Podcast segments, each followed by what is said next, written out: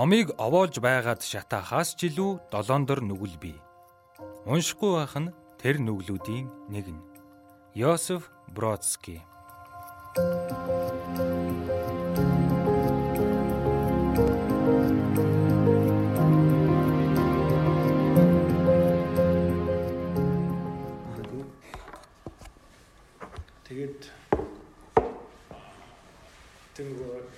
Люци шиний тэр одоо за юунаас нь эхлэх вэ? Эхнээс нь ингээд ингээд яриад яа. Тэг ер нь сүүлийн үед энэ Люци шиний 3 битийн гурвал ном руу ялангуяа тэр хоёр дахь ном Балраа гэдэг одоо тэрний номыг байн байн эргэж уншаад байгаа. Би чинь нэг хэсэг бүр ингээл амар за иймэрхүү ном уншиндаа гэдэг ийм ингээл амар том юм унших ном их салттай. Яг одоо хөлт байдаг л да. Тэгээд тэгэж дандаа шинэ ном уншдаг гэсэн. Сүүлийн үед бас зүгээр өмнө олон жилийн өмнө ч юм уншсан намаа ингээд нэг хаяа хаяа эргэж уншаад яг тэр нэг гоё мэдрэмжээ дахиж авмаар санагтаад тэгдэг болоод байгаа. Тэгээ одоогийн байдлаар хамгийн гайгүй уншилттай байгаа тэр балар байгаа. Тэгээд уншингууд л бүрийг л зүрх савлаад. Тэр та англи дээр уншиж байгаа шүү. Тийм англи дээр уншиж. Манайд бас орчуулагдсан байна. Тийм. Болдотор орч. Тийм болдотор нэг гурван бүтээр орчуулсан байна. Тийм байсан тийм. Би бол харин тэр гэгээ төвөр хай нэг эрди юугаар аа хүүхд байраарч үлээ юуны байраар үлээ нэг хувь хэмдраад 117 нэг болцсон байсан. Тэгээд манайх нэг авах гал юусе арай авч чадахгүй хэмжихгүй л байгаа.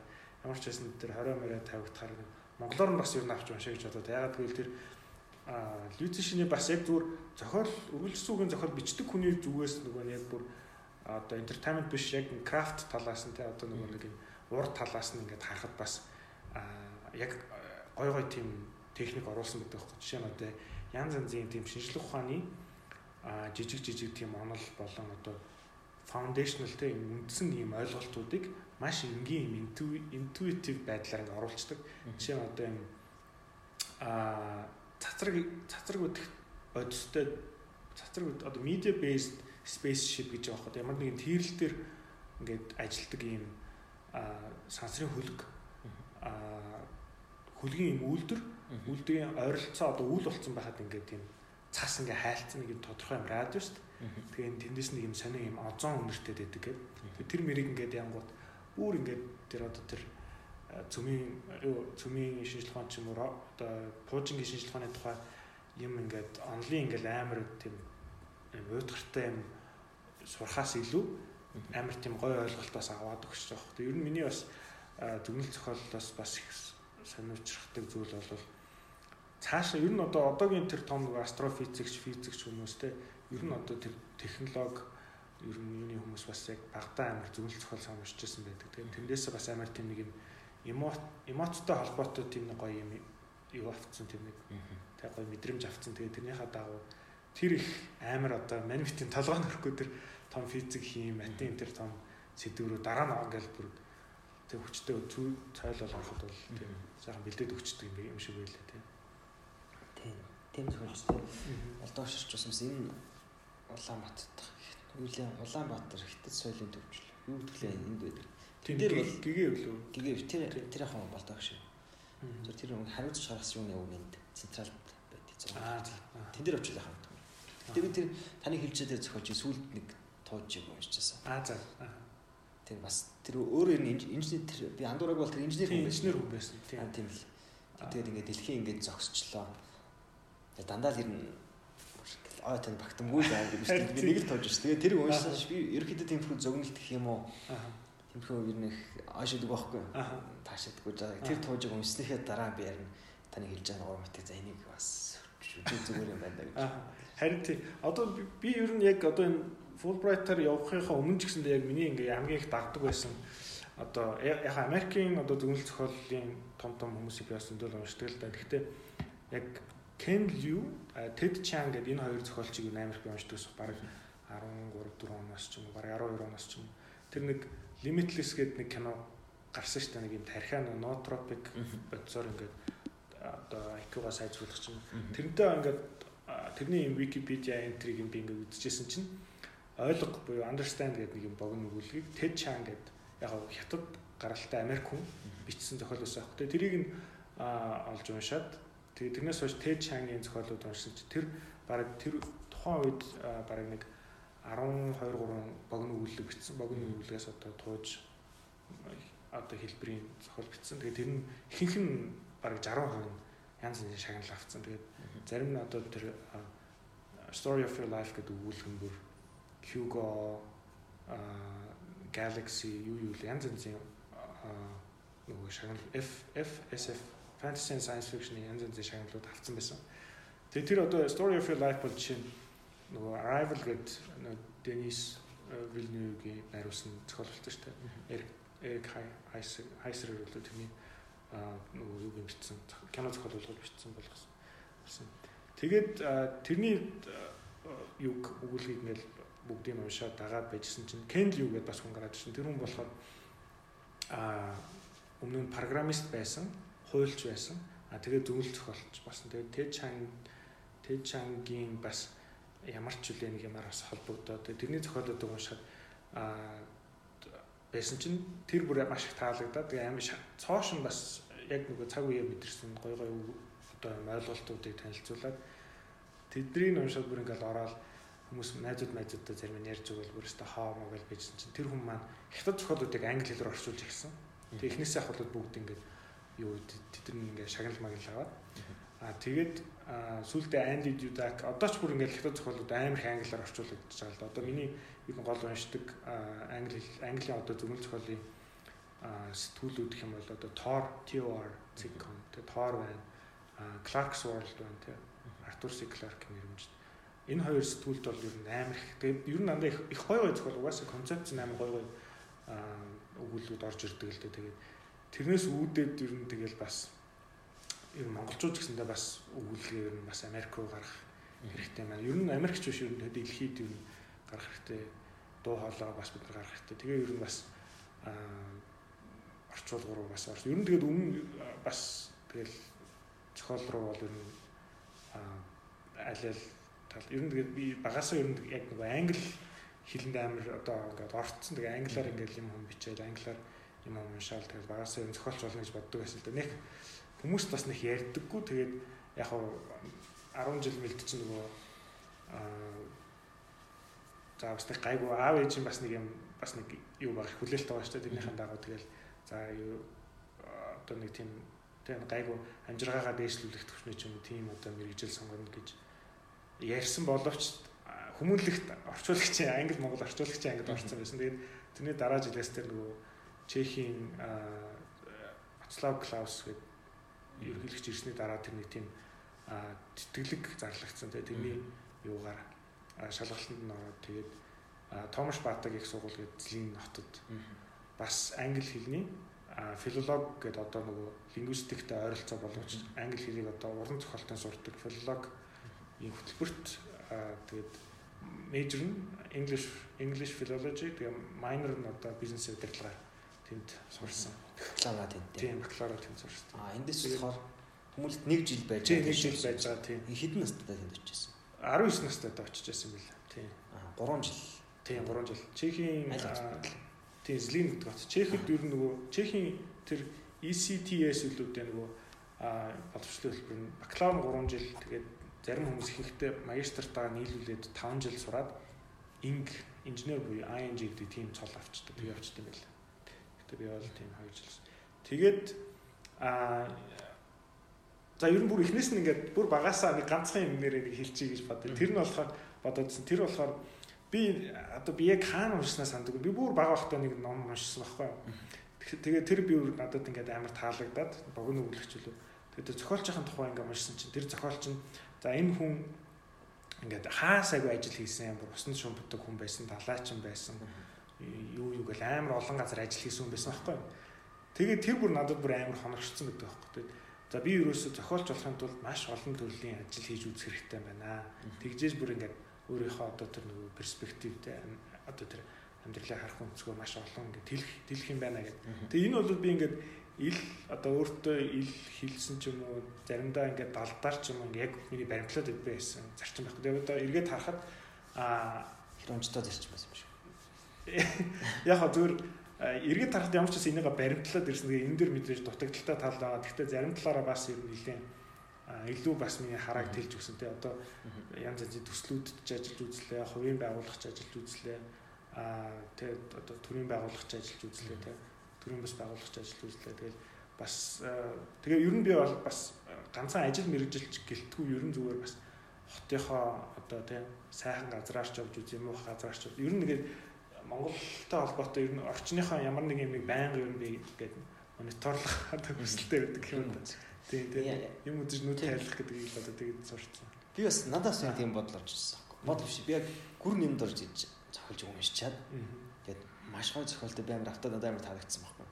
Тэгээд ингээд навтрыг нь уншсан чинь тэр ямар тарактер чинь юуны сахиул тэгээд сонинд ажиллаж үзэл ногооны талбайд ажиллаж үзэл бүр хийгээгүй юм байхгүй. Тэгмэд надад бас яг нэг тийм ингээд бодол төрж исэн байхгүй. Ингээ зүгээр л ирнэ гэл хөдөө гараал малч малж үзье ингээ зүгээр хөдөө сумруу ингээл багшаар яваад өгмөрч юм шиг. Алиш тийш юморч юм шиг. Тэгээ ингэчүүл би ингээ зохиож болох юм шиг. Тийм бодол бас надад ингээ бас тийчээд 17 8 таах юм. Бас ингээ төрж исэн. Харин тэгэхээр яг тийм зохиолч хүмүүс бас яг тэр өөрийнхөө дуудлага юугаа бас яг тэгж бас сонсдог юм шиг. Тэгээд аа бас аа нөө Америк темплд очиод ярихад бас аа зарим нөгөө нэг манай ангийн хүүхдүүд бас ярьжсэн л та бид нар ингээд одоо багш нар ч илүү бас нөгөө яг ингээд сайн бичдэг ур чадвараа сайжруулсан хүн байж болно тий. Одоо Америкт жишээ нь залуу Америк зохиолч нар зохиолын юугаар амар сайн сурдаг, амар сайн боловсролын системтэй. Гэхдээ амьдрал үзээгүй ч юм яах юм бол бас тэр нь яг өөрийн гэсэн дуу хоолойгоо сайн олж чадахгүй. Тийм болохоор бас юм сайн амьдрал үз. Тэгээд заавал одоо амар хурдан юм гарах гэж яарах хэрэггүй гэл тэгдэг. За алиг яриг бүр амар өсөө яваад байгаа ч бүр эхнээс нь бадж байгаа юм. Тийм. За анх ингээд тийм зохиолч болон гэдэг тэр хүсэл мөрөдлөг хідэн настай үед юус олж авч яасан. Тэгээд тал сайн ингээ яриандаа дурдлаа шүү. Ингээд аав ээжийн хүлээлт бол ингээд нэг одоо та нийтлэг айц хүйдэм байдаг хуульч ч юм уу инженер ч юм уу ингээд нэг тэг зоохгүй амьдрах ингээд илүү мөнгө олох ч гэдэг юм уу та ингээд боддог юм. Ийм мөнгө хүсэжсэн гэтэл одоо би ингээд ийм зохиолч гэдэг юм сонгоо авцсан тийм. Тэгэхэд одоо аав ээжинт нь хүлээж авсан хандлага ямар байсан. Ер нь зүгээр энэ зохиолч гэдэг юм юу хүсэлмүүдээ хизээ анх тоолж авсан. Юунаас болсон хизэнээс ирнэ номтой уран зохиолтой холбогдож хэлсэн. Тийм ямар ч байсан саяны тэр ярьсан тэр нэг зохиолчийн тухай ингээ уншаад нэг олон ийм мэрэгжил яан гэх үед бол би аль хэдийн бас яг шийдсэн байсныгаа санаад идэв. Тэр одоо нэг 13 4-тэй үе байсан болов. Аа тэгээд 16 7-т одоо 8 9 дугаар ангиасаа бол би чинь тэмдэглэлийн дэвтэр амар хөтөлж ирсэн. Тэгээд тэрэн дээр амар бас янз янз юм а бичин. Тэгээд аа тэр үед чи яг нэг интернет орж ирсэн. Би одоо 87 оны холтой тэгэхээр чинь 2003 4 онд 8 9 дугаар анги байсан юм одоо.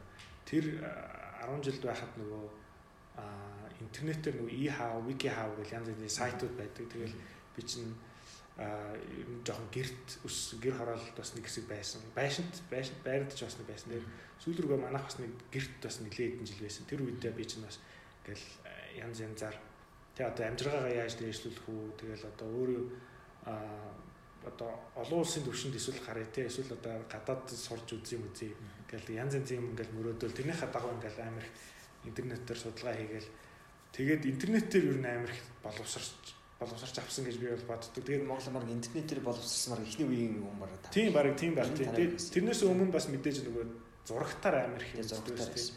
Өөр баг байхдаа нөгөө Cartoon Network гэдэг нар ч манаас нэг ах зэгчэнд юм кабелтай. Тэгээд тийш хаяа очихоор тэрийг үзээ өргөлгөөс очдөг.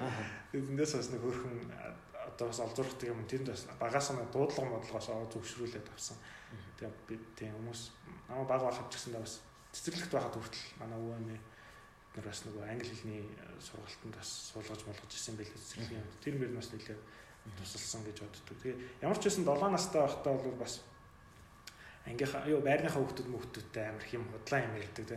Өөр 3 4 таахтай ч намайг бас амар юм яриа. Хотлоо юм зохиогоо ярьдаг тийс тийм. Тэр бахан аа магахан найзуудаа манай гэрт амар том анааш байгаа заан байгаа байгаа гэсэн бид тэргээ санддаггүй л дээ ер нь нэг тийм ярьдаг. Тэгээ ер нь нөгөө одоо бас ингээд зүгээр эргээд харахад гэсэндээ нөгөө кино бол ингээд үзэхэд заа ингээд энэ дэлгэцнийх нь одоо хүрээн дээр тийм энэ ногоон хөнгөн дээр одоо ингээ улаан ийм субъектын тодроод гарсан гоё болж тэгтээ иймэрхүү юмыг би өөрөө хий гэх юм бол яг заавал тийм ногоон хаантай ч юм яг улаан ингээд субъекттэй тэр хүн олох хэрэгтэй тий а киногоос кино зохиолоос юу уран зохиол үргэлжлсэн үгийн зохиолын нэг давуу тал бол тэр бүх одоо мизансен тэр нөгөө сцен set decoration эднэрийг хүний толгойд нь хийлгчдэг те. Тэгээд нэг ингээд хідүү үг өгүүлбэр уншиж байгаад аяндаа ингээд нөгөө нүгний нөгөө limbic system гэж ярьдаг. Хүний одоо бас нэг тийм хүн болгоо ингээд бие бинийгаа ингээд одоо юу одоо загсан ч гэсэн нэг эргэн тойронд юу болж байгааг хардаг юм яд шүү дээ. Тим системийг ингээд дотроос ажиллаад яг нэг тийм хүн ингээд тархинд нь гараад ирдэг. Тэгэл одоо нөгөө нэг тэр хүн сүулдэ ингээд янз янзын асуудал асуудлыг шийдэх гэдэг ингээл явах явах үеэр яг ингээл буцаал тэр нь ингээл яг ингээл ертөнц олол үүсчдэг. Тэгээ тэр нь одоо хамгийн их гой санагддаг. Тэгээ заримдаа бас би кино зохиол руу бас нэлээ орж үзэх гэж сонирхдаг болооч буцаад уран зохиол тэрүүгээр амар татдаг. Яг бол амар эдийн засгийн хувьд амар цомхон нэг олон юм шаардахгүй тий. Тэгэл тэгсэн мөртлөө эхлэл хөрөм шаардахгүй байсан. Тэгээд ховстол дээрээс нэг мэтгэл орчдөг. Нэг мэтгэл. Тэгээ тэр процесс бас амар их сонирхолтой л да. Хүнийг хідхэн зүгээр ингээ эхлээд нэг хідэн үйлбэр уншиж байгаа л тий. Нэг мэтгэл толгоонд ч ингээ зургал буугаад ирдэг. Тэгээ тэрийг тэгээд а Кори докторо гэдэг нэг Америк одоо Канадын жилийн зөвлөл зохиолч Clarion гэдэг юм зөвлөл зохиолын одоо юм сургалтын дээр бас нэг тайлбарсан лекц дээ. Тэр лимбик систем гэдэг тийм систем орж ирдэг. Тэр хүн ямар ч байсан одоо та одоо чинь үүлэг бичиж байгаа бол үүлгийнхаа ихэнд нэг хүнийг нэг дүр гаргах хэрэгтэй болно шүү дээ. Тэр дүрээ одоо вакуум орчинд бас оруулж болохгүй. Ямар нэгэн ямар нэгэн орчинд оруулах хэрэгтэй. Орчныг нь бас нэг жоохон дуртаад өгөх хэрэгтэй. Тэгэн гут хүний яг тэр нэг нэг тийм одоо юу систем ажиллаад эхэлдэг. За за энд нэг хүн байгаа юм байна да. Манаас тэр юуг айгүйх авсан юм шиг санагддаг шүү дээ яригт нь тэлчлээ тийм. Орсуудаас лсэн ингээл зохиол одоо манай ингээд социализмын хөрөн зохиолыг ингээд ажиглах юм бол дөрөөс өмнө яг тэр нэг орчин ингэж ингээд дурдж эхэлдэг. Ямар ямар тийм ясан уулын хамрын нэг тийм тийм юм өдр ингээд нэг мортой хөнгөд ороод дүн ороод ирдэг тийм. Харин тэгж яад юм шиг байна. Тийм. Яг одоо нөгөө нэг аль болохоор нөгөө нэг одоо тэр юу efficient болоод байгаа л та тийм. Яг зохиолыг эхлүүлэхдээ олон юм уршиж нөгөө нэг одоо зураг зураач шиг тийм ингээд үүл уулаа будаж зурх уу эсвэл шууд ингээд хүмүүсийг оруулах тийм нэгэн өглөө ингээд амшиг шавж болох уржээ гэж тийм тийм. Шууд одоо ягаар тэр тэрэн дээр ялангуяа барууныхан бол тэр юун дээр амарсан. Одоо сүүл рүүгээ энэ хятад одоо зохиолчдод ливцишний зохиолууд гэсэн дээр нэлээд одоо тэр хөг гэж яриад байгаа л да тийм нөгөө хүмүүсийг гогдуулах юу тэр тэрүүгээрээ бас нэлээд сайн болж байгаа юм шиг. Гэтэ тэг ямар ч байсан нэг тийм хүнийг нэг дүрээ ямар нэгэн газар байлгаа тэр нь ялангуяа тэр уншигчийн мэддэг газар байл арай зүгээр. А тэгээд тэр дүрдээ нэг асуудал гаргаад өгчих хэрэгтэй те. Тэгүн гутал тэгэл тэрий чинь тэр асуудлаа яаж шийдэх гэж байгаа бол гэж сониучрахсан тийм нэг юм систем хүний тархинд байдаг. Тэр маань тэгээд дүрээ дааж эхэлнэ. Уншигч дүрээ дааж эхэлнэ. Тийм тийм. Тэгэл яачтсан. За тэгээд юу юу радар авч байл. А тэгээд Америк руу тэтгэлэг авсан тухай. А за Тийм. За тэгж яагаад нэг хойтлын энэ зохиод орохгүй бол хоёлаа шууд юу байгаа. Аа за. Аа. Тийм. Аа 13 оноос 14 оноос а Fulbright-д ер нь би яг сүүл рүүгээ би чинь тэр үед бас нэг том төсөл дээр ажиллаж байсан. Тэгээд гайгүй цалин пүнлүүч гайгүй болоод за ер нь ингээд санхүүгийн хувьд бол гайгүй гэж үзлээ. Одоо яг бас нэг юм тэр үеэр чинь тэр баг нөгөө Стив Джобс момс юу шүү дээ. Тэгэл амар мөрөөдлөө дагмах маргааш бараг чи босоод ирэхгүй бараг чадарсан байх юм бол. Чи өнөөдөр чамаас юу л тийм үлдэх ингээл амар existentialist юм яриад. Тэгээ тэр үеэр би шууд шийдэл. За ер нь яг зохиолол барья. Тэгээ миний бас сүүлийн багасаа угаасаа яг ингээд би англи биш монгол монгол номноосоо ч илүү баг англиар бичсэн бодолч юм баг зарим үед бас монгол хэлээр бас жоохон муу гэдэг. Гэтэ бас сүүл рүү гайг болсон л да. Тэгээд англиар бол амар их ном уншсан, монголоор амар бага уншсан. Тэгээд англиараа бол ингээд гайг яатсан болохоор тэрийг одоо хөгжүүлээл яв одоо гэж шийдээд. Тэгээд Fulbright-д материалаа өгөөд аа 3 удаа гэсэн. Одоо 3 дахь дээр нь тэнцээд орсон. А гэхдээ эхний удаа чинь өөр юм а би бас entrepreneurship-ээр ч илүү гүйжээс social entrepreneurship гэж болж байна. Ямар ч гэсэн тэгээд 3 удаа гэсэн. Тэгээд 3 дахь та өгөхдөө а фейс юу юу юу лээ?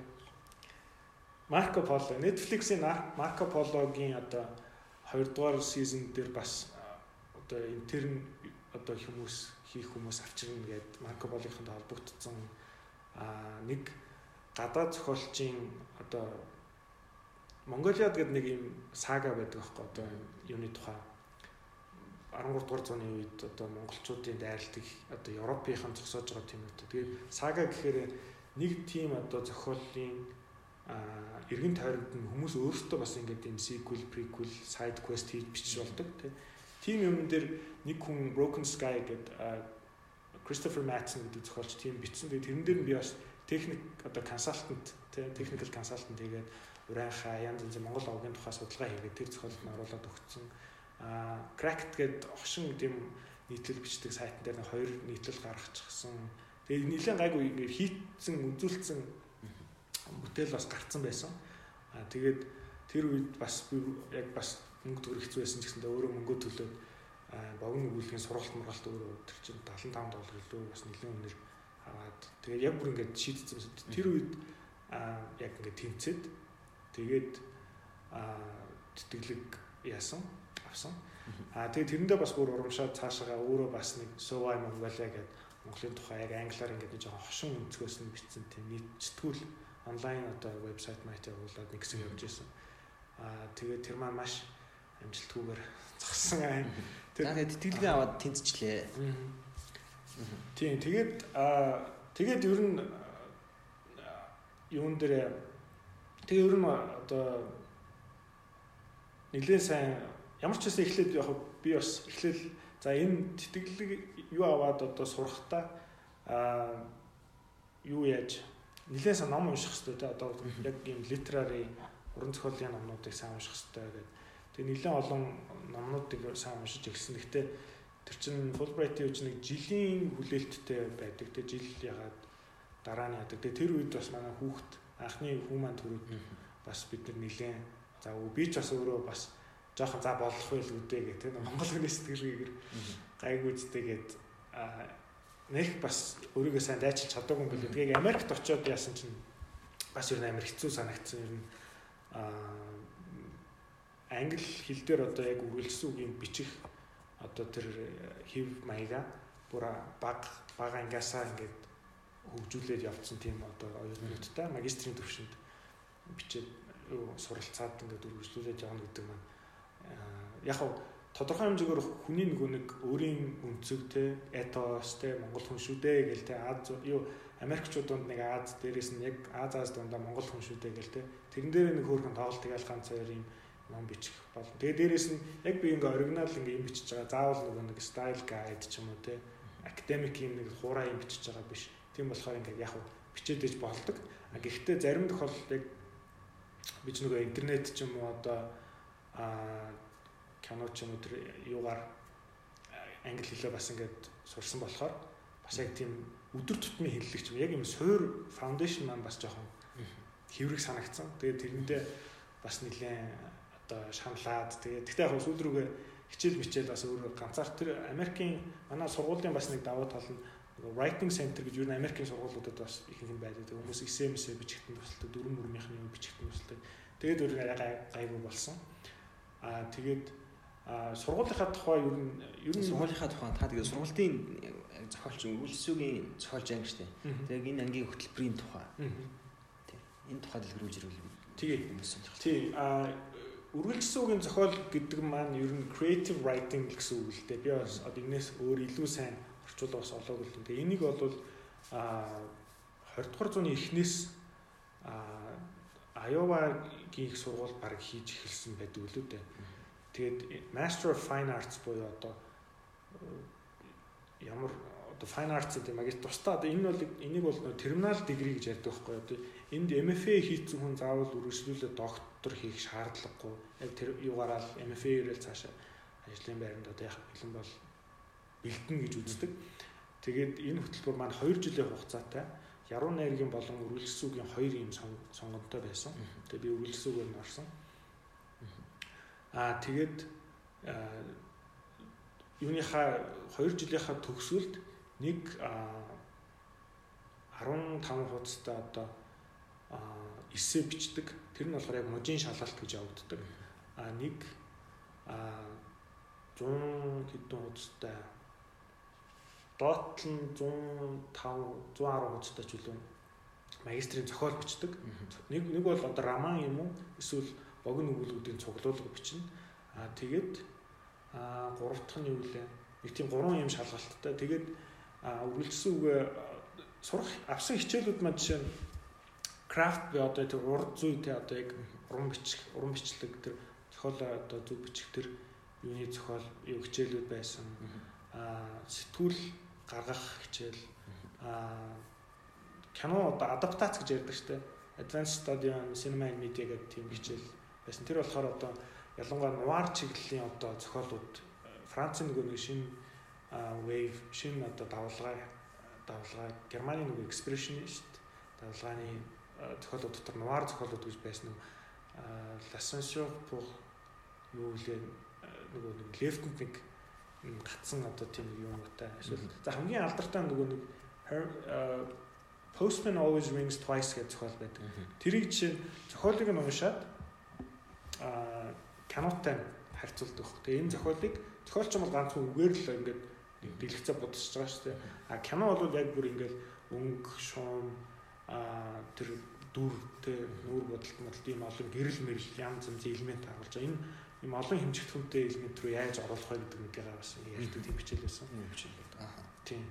Аа тэгээд аа уран зохиолын бас одоо анализ хийх, уран зохиолын одоо үндсэн одоо нөгөө нэг critical analysis юу одоо юу гэдэг лээ шүүмжлэлт одоо анализтэй тэр мэрийг хийх тухай хичээлүүд байсан. Тэгээ сүүл рүү бол яг үргэлжсэн үгээл бичгээл ингээл янз янзаар хийдэг.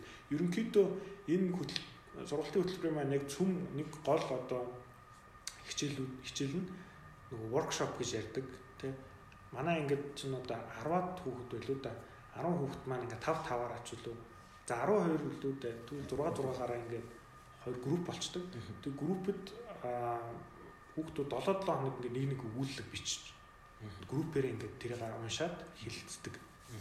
Тэгээд би нийт нэг хэдүү би одоо юуга тоогийн бас санахгүй ямар ч байсан юуны тэр нэг Америк элчингийн Facebook Facebook видеон дээр бас нэг орохдоо бас яг ярьж байсан нарийн л тэр нөгөө юун дээр гаргацсан байсан тэр 18 богино хэмжээний өгүүлэлт гэсэн байсан уу. Тийм. Тэгэл 18 гэсэн байсан. Тийм байх тийм. Тийм ямар ч байсан тэгэл яг нөгөө нэг наад зах юм Монгол гэл ямгт боддог юм ингээд хичээл нилээн юу ягаал тэгээд аа төгсгөл юугаа магистрийнхаа ажлыг аа бичээд тэгэл өстой юун дээр семестр болгон дээр амар их ном уншуулдаг. Ер нь яг хичээлийн эхэнд бас за ер нь энэ MFA одоо хөтөлбөрийн одоо төгсгөлд нэг иймэрхүү номнуудыг ер нь та нар уншаад яасан хэд орчим ном баг.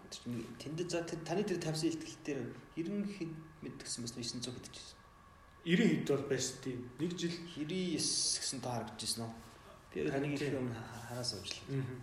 Тийм. Нэг одоо би тэрийг бас сайн яагаад болохоор амар уншвал. Тийм. Ямар ч байсан тэн дээр бол байгаа. Аа тэгээд аа тэр номнуудынхаа тухай бас уншаад бас ярьдаг. Номоо энэ номыг яг одоо урд зүйн талаасаа энэ номын аль энэ бүлгийг чинь бүлгийг нэг бүлгийг дуусгаад нөгөө бүлгийг эхлүүлэхийн тулд эхлүүлэх эхлүүлэх тэр сэдлийг уншигчд өгөхийн тулд зохиолч ямар техник ашиглаж байна те одоо нөгөө cliff hanger гэж ярьдаг шүү дээ.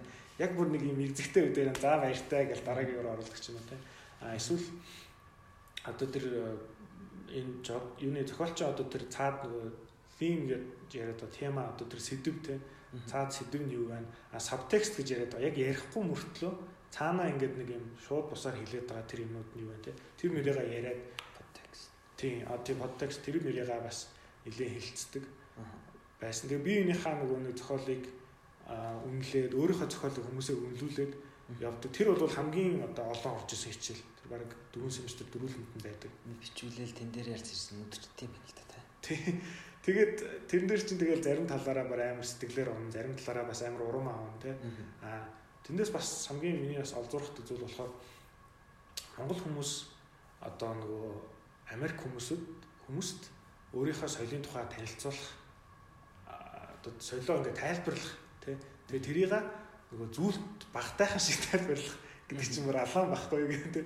Өөрөг тийм болохоор ягаад гэвэл одоо би жишээ нь ингээд за нэг гэр хорооллын тухай ч юм уу аа янз янзын за нэг юм бөөгийн шашны тухай аа тэгээд нэг юм говалтаад нэг юм сцен сцены тухай ингээд бичин гот яг юу болоод байгааг нь ойлгох шал зарим нь ингээд өөртөө ойлгосноор тайлбарлаж авах. За чи ингэж бичсэн юм шиг байна да тий би энэ чинь гоё гэж бодож байна маа чинь гэлсэн чи би бүр гайхаа.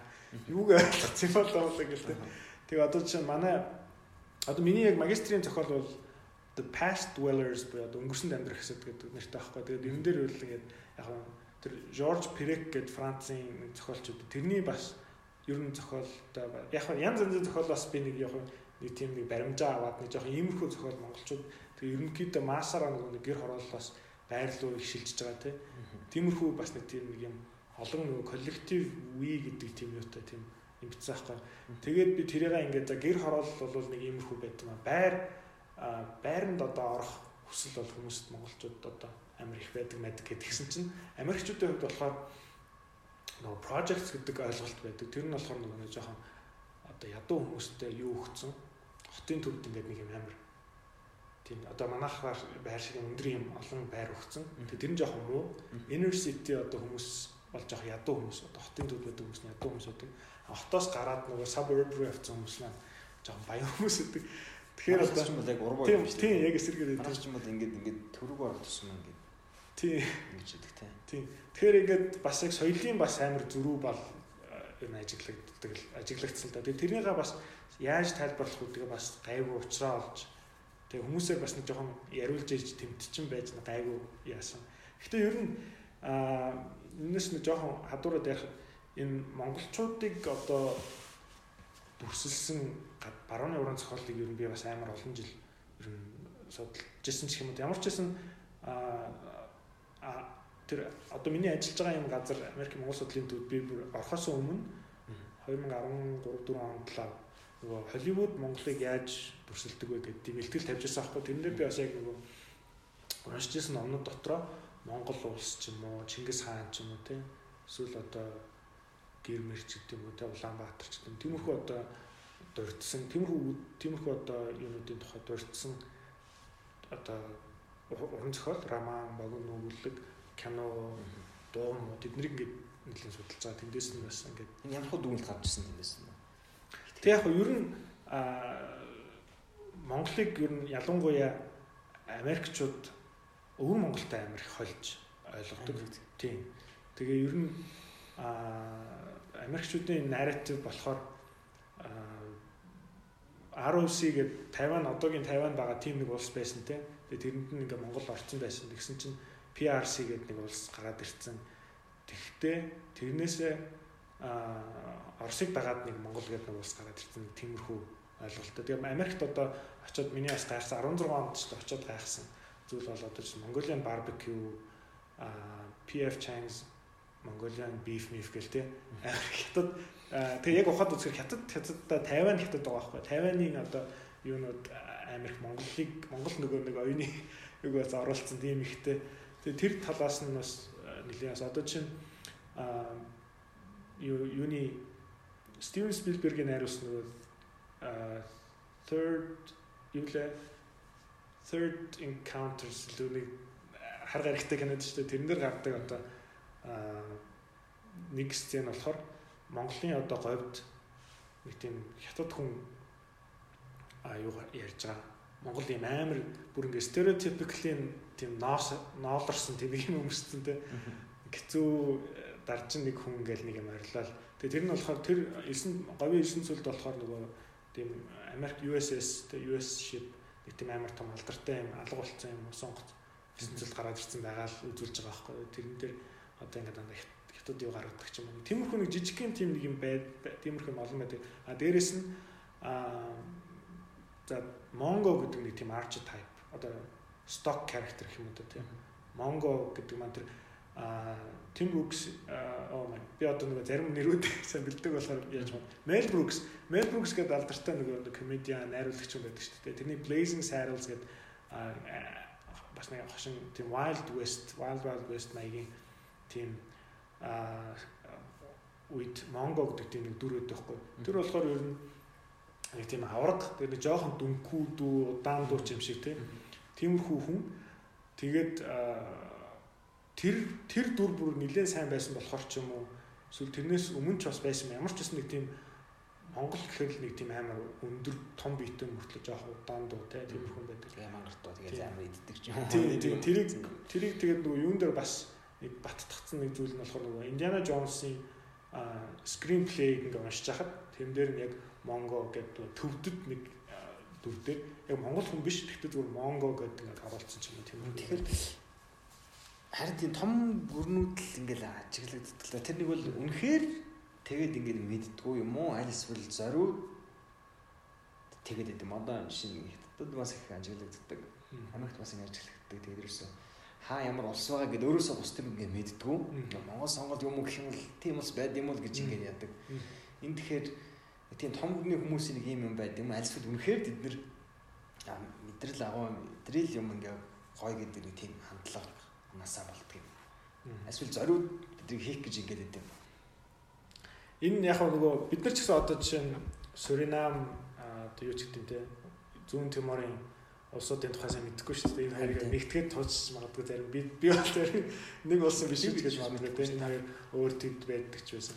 А тэгэхээр энэ бол хүний нөгөө нэг яг нөгөө нэг мэдлэгийн хязгаар ч юм одоо те ойшохтой хайхрах одоо тэр цар хүрээний хязгаар угаасаа дэлхийгээс маш те жоохон болохоор хязгаартай. Тэгээд энэ дээр бол ямар нэгэн байдлаар одоо За энэ бол салбаар тэгээд ин гэж үзэх шаардлагагүй болоо би зүгээр угаасаа ямар ч хүмүүстэй бүгд ингээл одоо төрхөөс үхийнхаа оронд ингээл өөрсдийнхөө түүхийг бас нэг гайгүй ягаад авах юмсан нийтэд үлдээгээд авах юм чинь тийм үү те ялангуяа одоо манайх шиг юм жоохон аман одоо нөгөө нэг юу соёл өндөртөө тийм одоо улсууд те ялангуяа тэр одоо тэр вайкинг ч юм уу те нэг дайчин те соёлын хүмүүс нэр алдраа дуурсгах гэдэг ойлголт амар өндөр байсан. Тэгэхээр тийм тиймэрхүү одоо соёл тиймэрхүү одоо юм сэтэл зүгээр одоо юу талаасаа ч юм уу а арай жоохон тийм боловсронгуй талаасаа бүр ингээ институт болсон те. За ингээд Холливуудад Холливуудынхан Америк киногаа одоо ингээд хүмүүст өгнө гэдэг те. Тим юугаараа бүр ингээ янз янзын улсад төгжөд явж байгаа л да. Тэгээ солонгосчууд ч байна те. Скандинав улсууд ч байна Ер нь энэ бол яг хүний өөрийн л юу л баг л та. Тэгэхээр бид нар ч гэсэндээ ямар нэгэн байдлаар одоо энэ юм гэхгүй байх гэхгүй гэхээс илүү зүгээр л баг тэгэл адилхан алцаал өөртөөхөө түүхийг бас өглөөл а энэ дээр би бас нэг юм миний сүүлийн их боддог зүйл болохоор а манайхан яг нөгөө их том түүхтэй те. Тэгээд бидний хувьд одоо Чингис хаан их Монгол улс бол маш том одоо яг Монгол гэдэг нэрийг те одоо энэ identity-г анх эхлүүлсэн одоо улс тэгтээ. Энийгээ бас одоо олон улсад ялангуяа ярихдаа бас жоохон болгоомжтой байх хэрэгтэй тийм. Жишээ нь ямар ч одоо улсын хамаагүй гадны нэг улсын тэр том үндэсний одоо лидер одоо бидний хувьд бас нэг тийм сонирх сонирхолтой биш шүү дээ. За яг окей танай том лидер юм байна. За баярлалаа гэдэг. Тэгсэн чинь тэрнээс тэр одоо тэр үл хайхрах төвшнөөс бүр доошлуулах зүйл болохоор манай хөгтөөд бусад тэр улсуудын үг дээдсийг бас нэлээд одоо цусаар байгуулсан гэдэг хүмүүстэй тийм болохоор бид нар бас энийг бас одоо бүр ангиж одоо юугаа дэлдэх биш те бас тэгэхээр энэ дээр нөгөө бид нэр тэр нөгөө подтекст зөв байрлуулах гэдэг тэр ойлголт заавал орж ирэх хэрэгтэй байна. Подтекст гэдэг маань ямар нэгэн одоо одоо санал тэр одоо тэр юу ч гэдэг тэр сэдв санаа тэр зохиолчийн цаатлын санаа ил юус гараад димээ. Заавал ямар нэг юмар дарж иж ямар нэг юмар одоо ингэж үлгэрчилж ээж ч юм уу те а тэгж өвөнд бодож ич. Тий өвөнд бодож те. Тэгж л угаасаа хүрдэг. Тэр бол тэр бол бас их зүгээр юм байл. Тэрийгээ бас тэр дандаа бодож байл зүгээр юм байл. А за тэгээд одоо манай ойдод бүр ярианы эхлэхийн өмнө ярьж байсан одоо зохиолчийн анги гэл тэгэл ингээл зохиолчийн анги мэг гэл ингээл ерөөхдөө хүмүүсийн хандлагыг харахаар ингээл хоёр туйлдаа ингээл хуваагдсан. Гэтэл ингээл ер нь гадны улсуудын анги мэнгийн юу хараад хар ингээд зохиол бичих гэдэг өөрөө ингээд бүр арга техник ингээд тухайн болгоно гэсэн ингээд тий. Гэтэл манад болохоор ингээд одоо болтол анги байдаггүй. Тэгээл хүмүүс ингээд хандлага хараа гэж авьяастал бол болчин өөрөө л чадвал тэр яг нэг талаас ингээд үнний хувьтаал байх. Гэтэл яг нөгөө тал нэг тал нь ингээд хаягдаад байгаа юм шиг надад ингээд санагдах. Та энэ тал дээр таны бодол юм байна. Аа. Тийм Америкт бас ингээ хоёр хогтсчихдээ байлээ. Аа тэрний юу гэхээр нэг нь Iowa School, нэг нь NYU New York School гэж. Аа New York бол мэдээж Америкийн одоо хамгийн одоо урал утга зохиоллог хот шүү дээ. Тэгээд хамгийн том том зохиолч нар бас New Yorkт байдаг. Аа тэгээд MFA дээр ялангуяа одоо энэ creative writing-ийн одоо MFA зэрэгэл тэгээд энэ магистрийн зэргийг одоо яаж заах вэ? Энэ MFA гэдэг зэрэг чи юу хэрэгтэй мүү гүм гэдэг дээр энэ хоёр скул нь байнга ярилцж байдаг. А тодорхой хэмжээгээр зах зээл бас сагна гэсэн ойлголт байдаг л хэлтэй. Хүн болгоо ингээд зохиолчор ингээд сураалах юм бол англи хэл хэдий одоо дэлхийн хэл болж байгаа ч гэсэн тодорхой хэмжээгээр хувь хүн яг тэр байгаа биетэр бодит оршиж байгаа хот улсынхаа л зах зээлийн нэг хэсэг болно шүү дээ. Тэгэхээр а миний бодлоор а Америкчуудаас Америкийн одоо энэ юунууд одоо MFA хөтөлбөрөөс авах нэг том элемент бол тэр миний ярьсан тэр workshop юм. А Парист нөгөө нэг Америкаас экспат болоод те гадаад яваад 20 дугаар зууны хэрэг ажилласан Hemingway а янз янзын оо нэг хүмүүс нь нар орж идэг. За ямар ч гэсэн нөгөө юу битсэн Paradise Lost битсэн. За тэр а зохиолч нар маань хоорондоо ингээд бие биенээсээ зөвлөгөө аваад те бие биендээ зохиолоо үзүүлээд тэгээд нэг юм тэндээс ингээд шүүмж байгаа. Тэгээд явах тийм юм тэр онлын юунаас онлын хичээлээс илүү үр дүнтэй байсан юм шиг байна.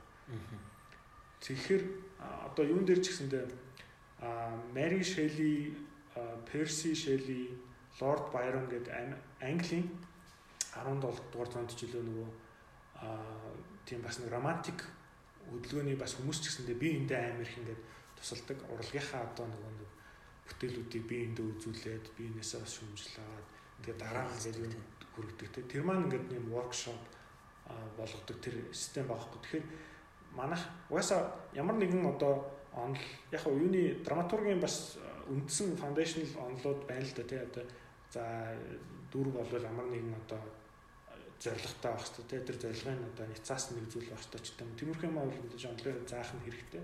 А нөгөө талаас бас зохиол болвол бас л яг тийм амьдралын амьдралаа нэлээд харсан дээрэс нь яг тийм одоо харилцан одоо багш шавьяар ч юм уу эсвэл шавнар хоорондоо ч юм уу те биеийнхээ зохиолыг бас ингэж шүмжилж ингэж битсэн тийм юм бас илүү сайн гарч ирдэг юм шиг. Тэр бол манай социализмын үед нэлээд гайгүй ингээд одоо орсон нөлөө төлөвшчихсэн юм шиг ингээл залуу зохиолч одоо зохиол дээр холбоонд идэх залуу зохиолчтой юу гэдэг ингээл дугуйл мугуйл ингээд ажилладаг. Тэр нь яруу найргийн дугуйл, хөрөн зохиолын дугуйл ингээд нэг юм утгач юм те. Тэгэхээр их сургуулиуд дээр байнга идэвхтэй ингээл дугуйлангууд ингээл ажилладаг байсан. Тэн дээр болохоор нэг юм хийжсэн мэхээр Эсвэл ингээл энэ хэвшүүлэг бүтээлийг ярилцдаг, шүүмжилдэг, тавдан зохиолч тавьчих ураад. Тэгээ залуу зохиолчд юм нэг санал бодлоо өгдөг. Одоо болохоор жоох ингээд жоох суларцсан юм тийм.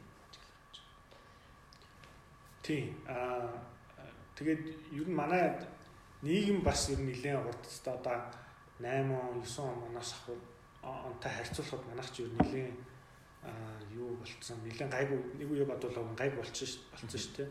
Тэгэхээр одоо залуучууд маань бол маш сайн боловсралтай англи янз янзын гадаад хэлмэл бол нэлээд мэрэгсэн хүмүүс залуучуудаа. Тэгэхээр тэгээд нөгөө клуб янз янзын клуб сонирхол тагсан клубүүд өгөн зөндөө байгаа. Тэгэхээр ийм одоо клуб маягаар ч юм уу тэр нь Яванда бүр институт суулдаг ч юм уу тийм маягаар бол нэг явуулж болох. Би яг бас Fulbright-оор явахын өмнө Step Writers гэдэг тийм клуб бас явуулж ясан. Тэрэн дээр монголчууд болон Монголд байгаа гадаадууд бас ингээ англиар богино өгүүлэг бичээд тэгээ тэрний хаяа бас ясан. Тэгээ тэр нь тэр маань бас аа цаг зав бас нэгэн шаардаад тэгээд тиймэрхүү юм явуулахад бас нэг би болохоор нэг жоохон шагнал урамшуул амлцмаар санагдаад тэрэн дээр тэрийг гач чадахгүй. Тэр үед би нөгөө тэр Sova Mongolia гэдэг онлайн сэтгүүлийг бас явуулж байсан л да. Тэгээд тэрэн дээр маань бас нэлээд хэдэн хүмүүс одоо нөгөө нэг contributing writer болсон. Тэгээд тэр бид нартаа бас ингээд мөнгө төгрөг өмөр. Уг нь энэ уран зохиолын үг чинь бас юу л да. Жоо дэмжиж яг санхүүгийн юу талаас нь бас юм грант Брант бас үгэл зүгээр л юм байна. Тэгээ тиймэрхүү юм тэр үед юу ч байгаагүй би ч тэрийг яаж мэдээгүй тэгээд санхүү талаасаа бол миний хувьд ямар ч байсан яагаад болов. Одоо тэгээ бодоод хахад бас уг нь а тиймэрхүү институт маягаар явуулвал уг нь зүгээр юм уу. Америкт бол жишээ нь а юм сургалтууд бас нэглээ явуулдаг. Харин тийм аа. Аль аль нь байхгүй ч. Харин тийм. Одоо миний бас хамгийн их хардаг сургалт болохоор Clarion гэдэг сургалт байгаа. 4 7 хоног лөө 6 7 хоног а Калифорни Сан Диегогийн сургуульд а болдог. Тэгээд тэнд бол яг тэр Америкийн орчин үеийн маш мундаг одоо зөвлөл зохиолч нар очиж хичээл заадаг нэг нэг өдрийн баг нэг багш нэг зохиолч илүү нэг 7 хоногийн нэг зохиолч илүү тэгээд тэд нэр багш нарынхаа одоо нөгөө промпттэй өгсөн сэдв мэдний дагуу зохиол бичээд биенийхээ нөгөө зохиолуудыг воркшоп воркшоплоод явчихдаг. Тэгээ одоо тэгээд тэрэндээ тэр нь гол нь гэхдээ 2500 доллар үлээ бараг 6500 шил бас нэлийн үнэтэй. Тэгэхээр одоо Америкийн зүүн бүс, төвийн бүстэй урд саад бүс мөсөс ч юм ингээд Сандиагод ирж байгаа бол тэр хүн 6500 доллараар 6-7 хоног өөрийнхөө амжиргааны зардлаа бас төлөөд явах хэрэгтэй. Чанга юм. Тийм тийм тэр нь ингээд тэгээ зарим хүмүүс яагаад ганц хоёр хүнд тэтгэлэг өгдөг бүр ингээд хотелээр ингээд амжилттай ирээддэг тэгээ харуулсан хүнд. Аа тэгэхээр тиймэрхүү одоо хөтөлбөр уг нь манад бас явуулвал зүгээр манай энэ Америк Монгол судлалын төв бас энэ 2020 оны 100 үг нь уран зохиол ба хөгжим Монголын хөгжим гэдэг тийм хичээл хээрийн сургуулийнхаа нэг field school гэдэг одоо хээрийн сургуульд тийм хөтөлбөрийнхаа нэг юм хичээл болгоод явуулах гэсэн боловч одоо энэ цар тахлын үүднээс цуслагдсан байгаа. Тэгээ ер нь тиймэрхүү юг бол бидэнд бид нар би бол одоо ямар ч байсан хувьдаа бол уг нас тиймэрхүү юм одоо байгуулчихсан юмсан гэж уг боддог л та. Тиймэрхүү ялангуяа одоо нэг тийм резиденстэй тий тодорхой хэмжээгээр Америкч бас нэг тиймэрхүү үйлчлэгнүүд амар гоё байдаг байсан би яг орд үзээгүй гэхдээ тавт хагасаа бүтэнсэнд ингээд нэг байшинд та тодорхой мөнгө төлөөд тэгээд лаптоп авчираад амьдраа. Бид нар танд оройч өгье. Тэгээд бид нар таныг хооллоё. Тэгээд таны хараа суучид таныг юусэн залхууруулахгүй, тэгээд Facebook, Facebook ухуулахгүй ямаа бичгээл суулгах чинь гэдэг. Тиймэрхүү одоо үйлчлэгээнүүд бол бас хөөрхөн яцсан. Аа тэгээ одоо энэ цар тахал яаж яхаа шалтгаалаад уг нь манай тэр тийм резиденс явал уг нь бол манах бол тиймэрхүү юу болох хамгийн боломжтой манах ч одоо тэрэлж ч юм уу? Те нэг ингээд яхад тэл найр хавтаж юм уу юу л юм одоо ирсэн юу л юм гэр гэр тийм одоо ложин байшин бодлоо шүү дээ та таны хувийн уран бүтээл одоо төгсчнээс шиг уран бүтээлээ хэр амжилттай явж байна за. Тэгсэн шиг юу хийж цар тахлын үед одоо Ингээ тиймэрхүү юу гарах гэдэг шүү дээ. Одоо ингээд цар тахлын дараа энэ дуусны дараа бол ингээл ял хамгийн тесрэлт болох тийм салбарууд гэсэн чинь уран зохиол урлагийнхны хамгийн нэрлсэн. Ялангуяа уран зохиолхныг аягүй тийм нэрлсэн. Аа зөв харагдаж шиг. Одоо л зохиолч дээш дээш хурал цуглаанд явахгүй хичээл намаа заахгүй те. Гэртээ суугаад эд юмудаа бичиж байгаа. Нэтэр бол уран зохиолд бол бүүн болно гэсэн. Нь гоё сайхан мэдээ. Та одоо цар тахлыг хэрхэн өнгөрүүлж байна? Төгсчихсэнээс хойш ер нь хоёрын уран бүтээлт тийм юундээ сууж байна. За ямар ч байсан хамгийн ихэнд одоо саяхан одоо баг дуусж байгаа зүйл болохоор энэ нөгөө залуу монголчууд гээд тэмцээний ялагчдынхаа одоо өгүүлэг эсэний төврийг орчуулж дуусгасан. За энэ та орчуул дуусах уу? Тийм. Энэ хичнээн хүмүүс энэ оролцоо хэр идэвхтэй оролцсон. 247 хавцаа. Монголоор англиар 2 янз 2 янз тийм. Тэгээд энэ төсөл төсөл бас их сонирхолтой зүйл сонирхолтой бүтээлүүд ирсэн.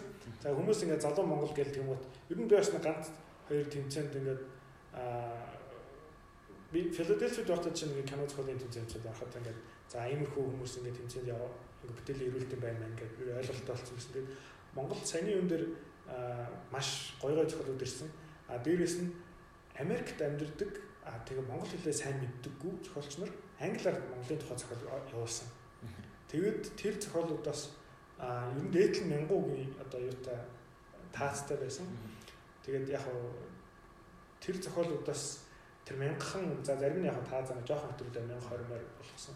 Тэр цөөхөн үгэн дотор Америкийн одоо янз янзын хотуудад те Монгол хүмүүсийн одоо тэр community diaspora community яаж амьдарч байгаа талаа ойлголттой болгодог тийм бүтээлүүд гэж бодохоор бас их гоё. Тэгээд мэдээж ихэнх нь бол Монгол монголчууд маань өөрсдөө за хотын одоо залуучууд те хотод одоо гэр хорооллын ч юм уу байшингийн ч юм уу хөдөөний ч юм уу те янз янзын одоо юугаар одоо тэр янз янзын тэр локал гэж яддаг те тэр одоо юунаас байрлалаас ямар юм хүсэж байгаа тэр хүсэж байгаа зүйл нь бодож байгаа зүйл нь тэднийг зовоож байгаа зүйл нь бол янз янзаар бичсэн тийм. Ер нь бол их гоё сонирхолтой аа бүтээл гарах байх гэж бодож байна. Аа тэгээд энэ номон дээр аа энэ тэмцээнийхээ тухай ер нь анх яаж орсноо яхад энэ Aubrey Minard гэдэг аа зохиолч энэ Young Mongols гэдэг ном саяхан гаргасан. Тэгээд энэнийхээ дагуу бас нэлээд олон Монголын орчин үеийн одоо залуу одоо активистүүд янз янзын залуу одоо улс төрч тэ янз янзын тийм одоо үйл ажиллагаа контент одоо бүтээж байгаа хүмүүс ч юм уу тэ янз янзын тийм залуу хүмүүстэй ярьцлага авсан байлээ. Тэгээд а энэ ном номоо гаргахсныхаа дараа Монгол зохиолчдод тийм сургалт явуулах грант Америкийн төрийн департаментаас аваад тэр нь болохоор нөгөө critical language scholarship гэдэг тийм юу юм байлээ. А одоо Монгол хэл чинь өвөр Монгол Монгол хэлийг одоо хорсноос хойш Монгол хэл чинь одоо нөгөө critical бай нэм хаварцсан хэл рүү жоохон орох гол байгаа шүү дээ. Ерөнхийдөө ачаад хамигдуулаад энд ч 4 5 сая тийм хүмүүс юу хаагач чаа шүү дээ. За тэгээд буцаад би ингээд хадуурах гэж байна. Буцаад юм руу ороход Обри тэгээд хуудсан тэг би тэр хуудсыг нь юу дагдаг байсан, дагдаг болсон байсан. Ям Монгол гэх. Янз янз одоо LGBT-чүүд ч юм уу янз янзын залуучууд активистүүдийн одоо юу гэдэг яжсэн чинь. За би ийм грантаар монголчуудад ийм зохиол ном яаж бичих тухай ийм семинар өгөх гэжсэн чинь цар тахлаас болоод аа дээрээс нь би Монголоос яваад өгсөн болохоор энэ грантыг би зарцуулж чадхаа болчлоо. Яаж зарцуулах вэ ч үлээ эсвэл нэг тэмцээн зохиол яах болох гэсэн нэг тиймэрхүү асуулт асуусан байсан байхгүй. Би тэгэхээр бичээд оо би болохоор тэрний өмнө бас Сингапурын нэг quantum shorts гэдэг quantum юмд орц тэмцээнд орцсон байсан. Тэгээд за би эндээс нэг ийм гэж холж харсан. Ингээд youth тэгээ залуучуудын нэг юм категори гэж нээлттэй. А youth open гэдэг хоёр категоритой. 21-ээс доош насныханд нэг юм гурван шагнал өгөөд бусад нь ингээд нээлттэй хэдэн ч насныханд хамаагүй нэг хэдэн шагнал өгөөд ингэх юм бол энэ төсөвч ингээ болчих юм шүү гэдэг. Тэгээ тэрнээс ингээ үргэлжлүүлээ бид ярилцж байгаа тэр тэмцээнийг би бас зохиол зохиохт нь туслахаар болоод тэгээд англиарч монголоорч мянга мянган мянган үгэн дотор тийм явуулж амраад тэгээд бид нэр бас нэлээ олон шүүгч нараас бас нөгөө сайн дугаар одоо туслаач ээ гэж гол тавс. Яг тэгвэл тэрнээс өөр бас бид нарт одоо шүүгч нартай ч юм өөртөө ч өөх тийм юу төсөв байгаагүй. Тэгээд ямар ч байсан тэр аа 700 доллар үлээ тэр мөнгөө а юунд яг гар югаар одоо хүмүүст ингээ шилжүүлж өгөх боломжгүй тэ тэр грантныхаа угаасаа цаанаас нь заасан. Тэгээд тэгэн гут нь тэрийг зүгээр юунда оруулъя бүтээл одоо ялагчтайхаа бүтээлийг хэмнэлтэд оруулъя гэдэг. Тэгээ бусад юм одоо бүгдийг одоо сайн дураараа хийе гэх. Тэгээд ингээд тэмцээний зохион доосныг энэ тэмцээнд маань нөгөө Америкийн Монголд элчин сайд байсан Жонатан Адилтангаа сайн дураар шүүгч хийсэн тэр Монгол гээд дурдтгал номны одоо зохиолч Шотландд байдаг тийм угна Рамсэгийн зохиолч маань шүүгчээр орсон. Их хурлын гишүүн байсан оюун оюун гэрэл ихч бас шүүгч шүүгчээр орсон. Ташаа юм чимэгч орсон байсан. Тийм оюун чимэг ихч орсон байсан. Шүүдэр цэцэг ихч тийм орсон байсан. Тийм та publishing байс болгоноос орсон юм. Тэгээд Simon Wickham Smith гэдэг бас одоо Монгол дээр үеийн 20-ад оны үеийн өгүүлэлүүд те янз янзын дээр үеийн бас өгүүлэлүүд орчин өгүүлэлүүдээс ч гэсэндээ орчуулдаг орчуулагч Simon Wickham Smith-аас оролцсон. За би одоо хүмүүсийг тэг тийм тийм хүмүүс оролцсон байсан те. Би нэг юм харчаад хэлдэг юм уу? Хүмүүсээ зөвхөн бас дуртах. Тоо яа. За зам бүгд ингэ дурдах ёстой. За за. Үгүй л дээ. Дурдсангүй наваа үлдээчлээ. За ямар ч байсан тэгээд аа тэгээд гол нь энэ хүмүүстэй ялагчтай өгөх шагналыг маань бас манай А Jack Weatherford ба зохиолч Jack Weatherford ба. Одоо донет хийж өгсөн. Тэгээд энд бас бид нар маш их баярлагдав. Аа тэгээд тэгээд ийм олон одоо хүмүүсийн багтаа бидний тэмцээний зохион байгуулад тэгээд 247 бүтээл хүлээж аваад тэндээсээ манай шүүгч нар маань англи болон монгол одоо бүтээлүүдээс нь 4 6-гийн харьцаатаагаар илүү 5 5-аар боллоо. Шалгаруулад тэгээд тэр бүтээлийг нь англиг нь бол ер нь Aubrey маань зохиолч нартайгаа ярилцаад сайжруулах явцсан. Монголууд нь яг нэг шүүгч нар маань бас шалгаруулсан л гайгүй. А тэгтээ ганц хоёр өөрчлөх юм байвал би бас тэрийг хараад. Тэгтээ би би зүгээр нэг үгсхийн юм яасан болохоос яг яг яга редакторын үг бол юм. Ер нь бид яг орчуулгаад агаал. Монгол өгүүлбэрүүдээ ер нь англи руу орчуулад англи өгүүлбэрүүдээ монгол руу орчуулсан. Аз зурж англи өгүүл англиас монгол руу оруулах нь цөөхөн байсан. Тийм.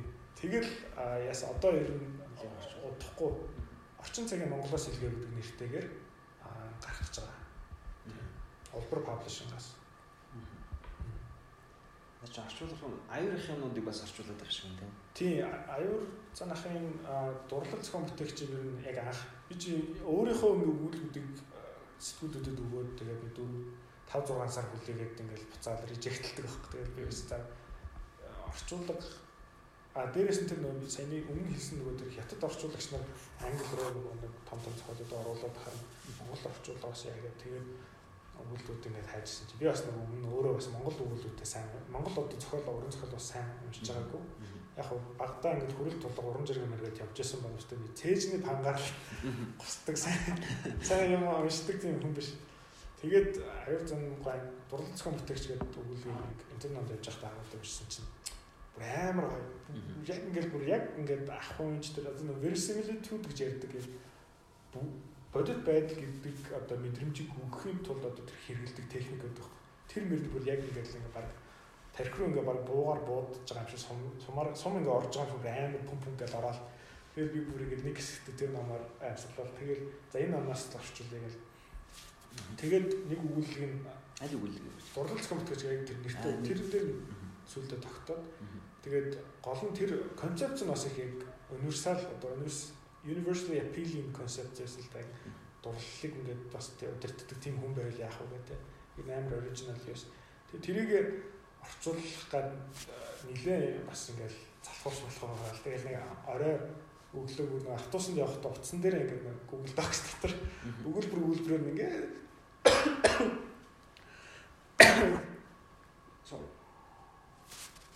үйлдвэр үйлдвэрээр засаал яваад идэгсэн. Тэгж байгаа за энэ гайгүй өөртөө ихтэй болоод submittable гэж байдаг байхгүй нөгөө одоо утга зохиолын одоо бүтээл өгөх гэж байгаа бол яг тэр сэтгүүл өдрүүгээ ингээд ханддаг тийм платформ гэх юм тийм.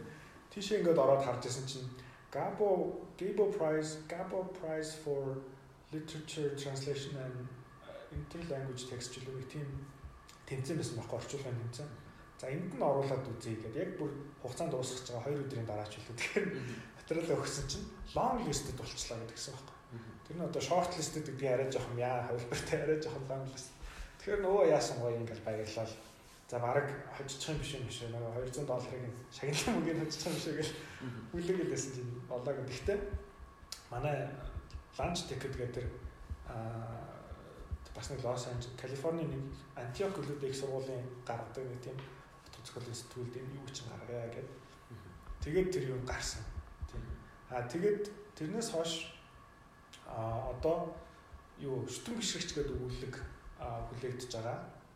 Аа тэгээд Ирэнчугаа тэрний дараа аа тэгээ бас нэг арай нэг жоох урт хугацааны өгүүлэг а урт хугацааны бүтээл бас нэг юм хүлээгдэж байгаа. Энд дээр би бас ажиллаж байгаа. Гэхдээ нөгөө Балзак хэлсэн байдаг шүү дээ.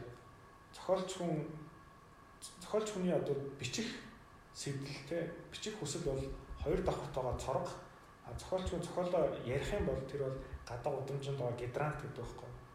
Тэгэхээр нөгөө зохиол ярьж ийж дуусаагүй юм ингээ ярьчихаар зарим зохиох нөгөө тэрнээсээ баг кайф аваад дараа нь яачдаг болохоор тэр дараа яг яг надад ингэ тохиолж би ингээ нэг тоож явуулаад байгаа байхгүй юу. Тэгээд тоож ингээ хүн дээр чинь тэм гут нэг тийм тэргүй бичээ гаргацсан юм шиг сэтгэл ханамжтай. Тэгээд хаад ингээ юу ч хийхгүй бичсэн юм шиг ингээл яваад. Харин тийм тийм болохоор одоо тийм ярих ярих юм шиг байна. Тэр болохоор би ч одоо тэгээд хойшлол хойшлол дараа яриг л аа яад идэг. Тэгээд ямар ч байсан Ринчингуан үйл үдээс нөгөө нууцыг задруулсан цагаа энийг би бол маш олон жил бас олон жил би асуун бодож байсан ер нь Монгол өгүүлбэр дотроос нь надад хамгийн их гоё сэтгэл төрүүлсэн үлэлэг.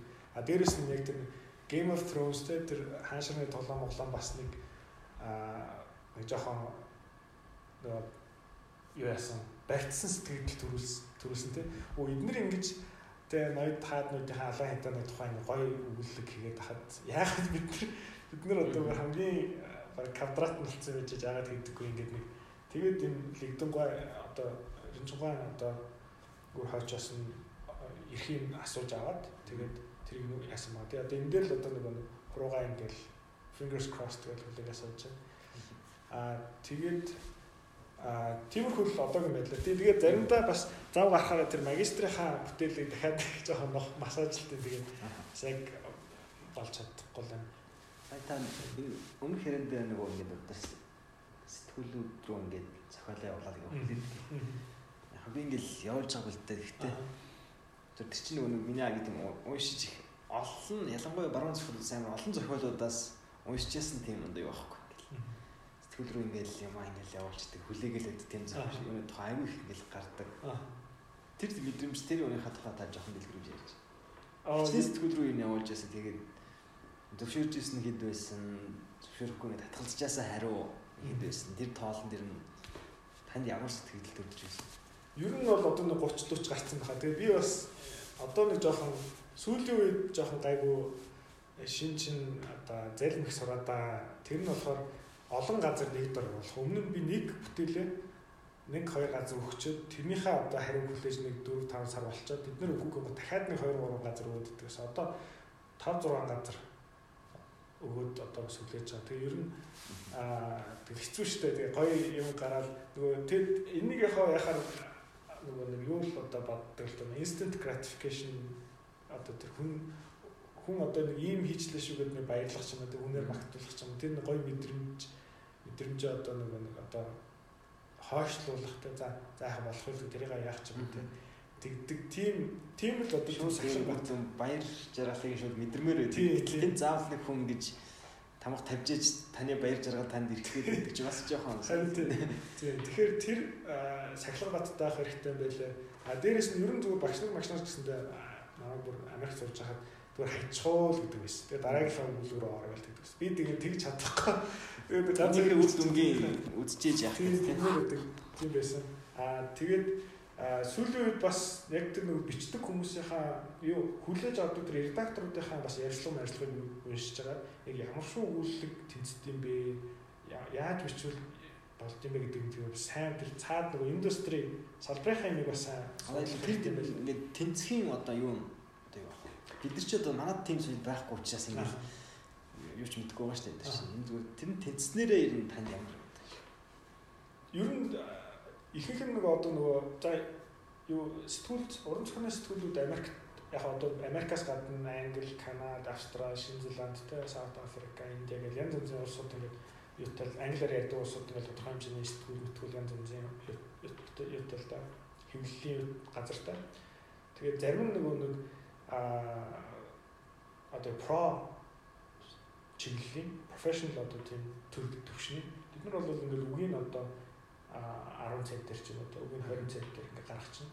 А semi pro гэх юм бол үгийн 5 цент ч юм уу 2 цент ч юм уу арай.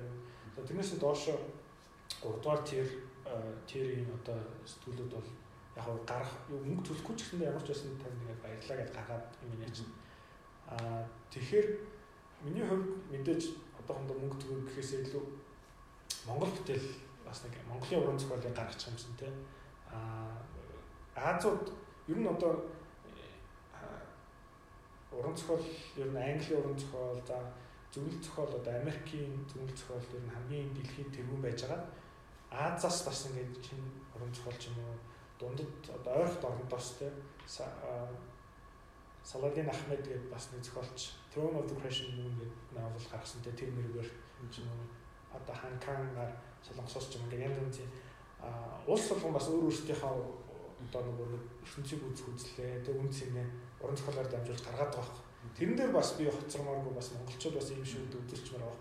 Яг л манад манай одоо одоо англи хэллэгээр бол шүүдрээ амар том эртний монголчуудын үлдээсэн улмөр амар том. Одоо тэр сүдрийг цайруулах юм. Тийм. Тэр сүдрийг ингээл орчин үед янз янзаар ярьдаг л да хүмүүс. За гайгүй манай солонгосчууд бол хөрх юм адилхан хөх толботой монголчууд монголчууд бас нэг тиймэрхүү байдаг. Ханкагийн нэг вегетариан дээр гардаг шүү дээ. Хөх толботнол тэгэл монгол толботнол. За тэгэл зарим улсууд ч нь бол нөгөө нэг одоо нэг юм жижигхэн warlord байсан те тэгэл амар хүмүүсийг хүчрхийлэл ингээл алсан болсон гэл тийм. Тэрнээсээ одоо бид нэр өөрчлөгдсөн шүү. Орчин үеийн монголчууд ч бас нэг ийм шүү те. Эсвэл одоо зарим бүр нэг юм мориор одоо сургууль руугаа бараг 20 км явж ордог. Яг тийм хүмүүс байгаа л да те. Гэхдээ Улаанбаатар ерөөсөө бас дэлхийд яг сайн танигдаг байхгүй те.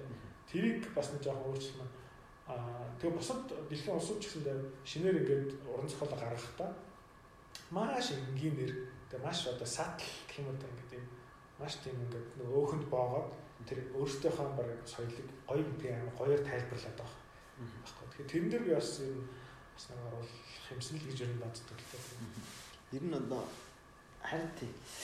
Тэгээд гинт ингээд ингээд бодсон чинь одоо манай чинь ингээд юу гэж боддог байсан бэхээр за одоо ингээд за бид нар яг монгол хэлээрээ бичих гэж хин яг. Тэг мот ингээд манд яа харахгүй юм хоёр дахь хэлээр бичих. Юм зөвхөн шаа харахгүй ингээд дотоо байна ингээд амар хүмүүс хичээсэй гэж амар ингээд хүсдэг. Тэгвэл одоо манай чинь ингээд давын өв нэрлэх хүн гот ингээд чинагийн галсан гоо. Одоо шин. Герман гоорч. Гэтэл одоо ингээд яг таны ингээд ярианаас ингээд бодонгууд хэдий ч нэгэ дэлхийн хилээр би ч тусмаа дэлхийн хүмүүстэй л тийм өрсөлдөх тийм талбар руу явж байгаа гэж ойлгож байна. Монгол хэлээр бичих юм бол бид нар бол энэ дотроо л ингээл дээр дор оролцсон шүү дээ. Тэнгүү та англиар бичээд ингэхээр яг би энэ дээр бас би өөрөө ч заримдаа яадаг. Би бол багасаа би бүр ингээл англи хэлнээс бүр ухаат нь яддаг ах би бүр за бүр заримдаа би бүр за англиараа л одоо яа ингээд англи хэл ер нь ингээд тархич нь бас ингээд нэг жоохон нэг юмнаас холдохоор төсөрдөг шүү дээ тийм болохоор англи хэлнээсээ байсан бол холдохгүй. Тэгээ сүүл рүүгээ аа ингээд хайцсан л тоо. Тэгээд заримдаа би монголоор нэр бичдэг ч юм бэл. Яг гэвэл миний яг хөргмээр тэр дуу хоолойгоо хөргмээр байгаа хүмүүс ингээд монголчууд болохоор монголоор бичдэг ч юм уу гэж боддог. Гэхдээ заримдаа буцаагаад за ингээд бичгээр бас нэг англи үгүүд ихтэй ддэг байхгүй. Тэгэхээр бас л яг олон жил одоо судалсан чинь нүгээр юм уу. Тэгээд миний бодлоор аа яг монголоор сайн бичдэг хүн бол заавал одоо англиар бичиж гэж явах шаардлагагүй. Яг гэвэл дундуур дээр орчуулагч нар гэдэг хүн байна. Хятадын жишээ харах гэсэн хятад хятад одоо дотроо өөрсдөө амар сайн зохиолч нартай тэднээс эхнээсээ ингээл шилэгдээ шилэгдэл Ken Liu-гээр Andy Dudaka Storycom гэх бүр компани байгуулагдсан. Тийм Америкийн одоо тэр том том сэтгүүлүүд рүү шууд хятад өгүүлбэрүүд нь англи орчуулагдаж байна шүү дээ. Ялангуяа өгүүлгийн зах зээл бол амар сайн юу амар потенциалтай гэж би боддог. Яагаад гэвэл за нэг а за flash fiction байх юм бол мянган дотор. Гэхдээ flash fiction бас ороход хэцүү. За 1500-аас нэг 3 4000 үгээр а бичсэн үйл өгүүлэг одоо Америкийн одоо ер нь оригинал юм санаатай бол энийг англи хэл рүү орчуулахад бол за нэг 3-аас 6 сар шаардлагаа гэж бодъё те. Тэгээд тийг бол хоёр хүн хүн хийж чинь ерөнхийдөө те. А тэгээд тэрийг ингээд гадаа сэтгүүл гаргачихад тэр хүм тэр тэр одоо бүтээл маань ялангуяа одоо тийм жоохон мейнстрим сэтгүүлүүдэд гаргачихсан бол тэр бол маш олон хүн төрнө. Аа тэгээ зарим одоо аа бүтээлүүд юунасаа богино үүлгээс шууд одоо кино болж ирсэн ч тийм жишээ байна. Guernica гэдэг сэтгүүл дээр тэр аа ямар нэг юм хүүхдийн тухайн нэг юм үүлэг гараад шууд одоо Antlers гэдэг аим шиг кино болцсон тийм. Аа тэр Тэчангийн одоо story of life гэдэг. Тэр ер нь яг санаа нь ингээд зүг ингээд байхаа заавал кино зохиол гэхгүйгээр зөв богино өгүүлэгч гэдэг юм. За санаа зүг билээ заавал англиар ч гэхгүйгээр монголоор бичдэг ч юм уу тийм одоо юу бол тэнгуут юм энэ одоо зохиолч гэдэг нэг юм байна. Тэгээд орчуулагч тэгээд цаатын тэр нэг бас газар биш тэр орчуулсан өгүүлэг хүлээж байгаа. Энэ гурвын энэ холбоос энэ үлдээ холбоо нь яаж бас манайс ч одоо ингээл манай ч тэр үлдээ байгуу муутаач тэгээд сайн дураараа л ингээл дэлгүүрээс авч уншаал өртөнд таалагдвал орчуулна уу гэхээс яг тийм байгууллага яг нэг тийм юу байна. Энэ уялдаа холбоо юм баруун ямар байдаг. Тийм. Одоо жишээ нь аа тоорын доор илүү аа lights бидний доор илүү locust-ийн доор ямар ч нэг зөвлөлт сэтгүүл байдаг байхгүй Америкт тэрний доор самавар гэдэг бас нэг жижиг сэтгүүл гарсан. Тэр болохоор яг орчуулгыг оруулдаг. Тэгээ энэ дээр би бас нэг зөвлөлт өгүүлэг орчуулахаар ярьж байгаа зүйлд амжихаар болоод орчихсон байсан. Самавар болохоор орчуулагчд нь зохиолчд нь адилхан мөнгө төлдөг. Тэгээ орчуулгыг нь оригинал зохиолыг нь хоёулыг нь хэмнэлдэг. Орос, англи, хятад англи, араб англи ч юм уу. А зарим яг одоогийн байдлаар бол би одоо орчуулсан юмнаас бол мөнгө авч байгаагүй тэр ланч тикет эднэр яг тэмцээнд орсон бол мөнгө авах байсан баг.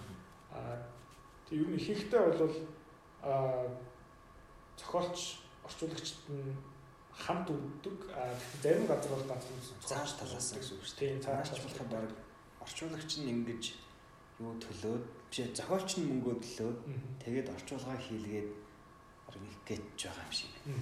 Яа тийм баг сайхан сэтгэл дээр л ингэж суурсан нэгэн байгаад тах шиг байна. Тий а тэгээд манай яг зөв манай салбар би бүр яг ингэ сайн салбар руу бас яг сайн орж чадахгүй да full time одоо юм хийж чадахгүй. Гэхдээ зүгээр миний харж байгаа зүйл бол одоо энэ M+ application маягийн тийм платформ бас уг сайн дэмжүүл бас зүгээр байх гэж боддог. Би Америкт очиод бас нэг гайхсан нэг зүйл болохоор нөгөө манайх шиг ганцхан Facebook дээр бүх юм тогтдоггүй. Маш олон ингээд application, сайт байдаг. Тэрнэр дээр янз янзын хүмүүс ингээд өөр өөр үйлчлэгээ бараа.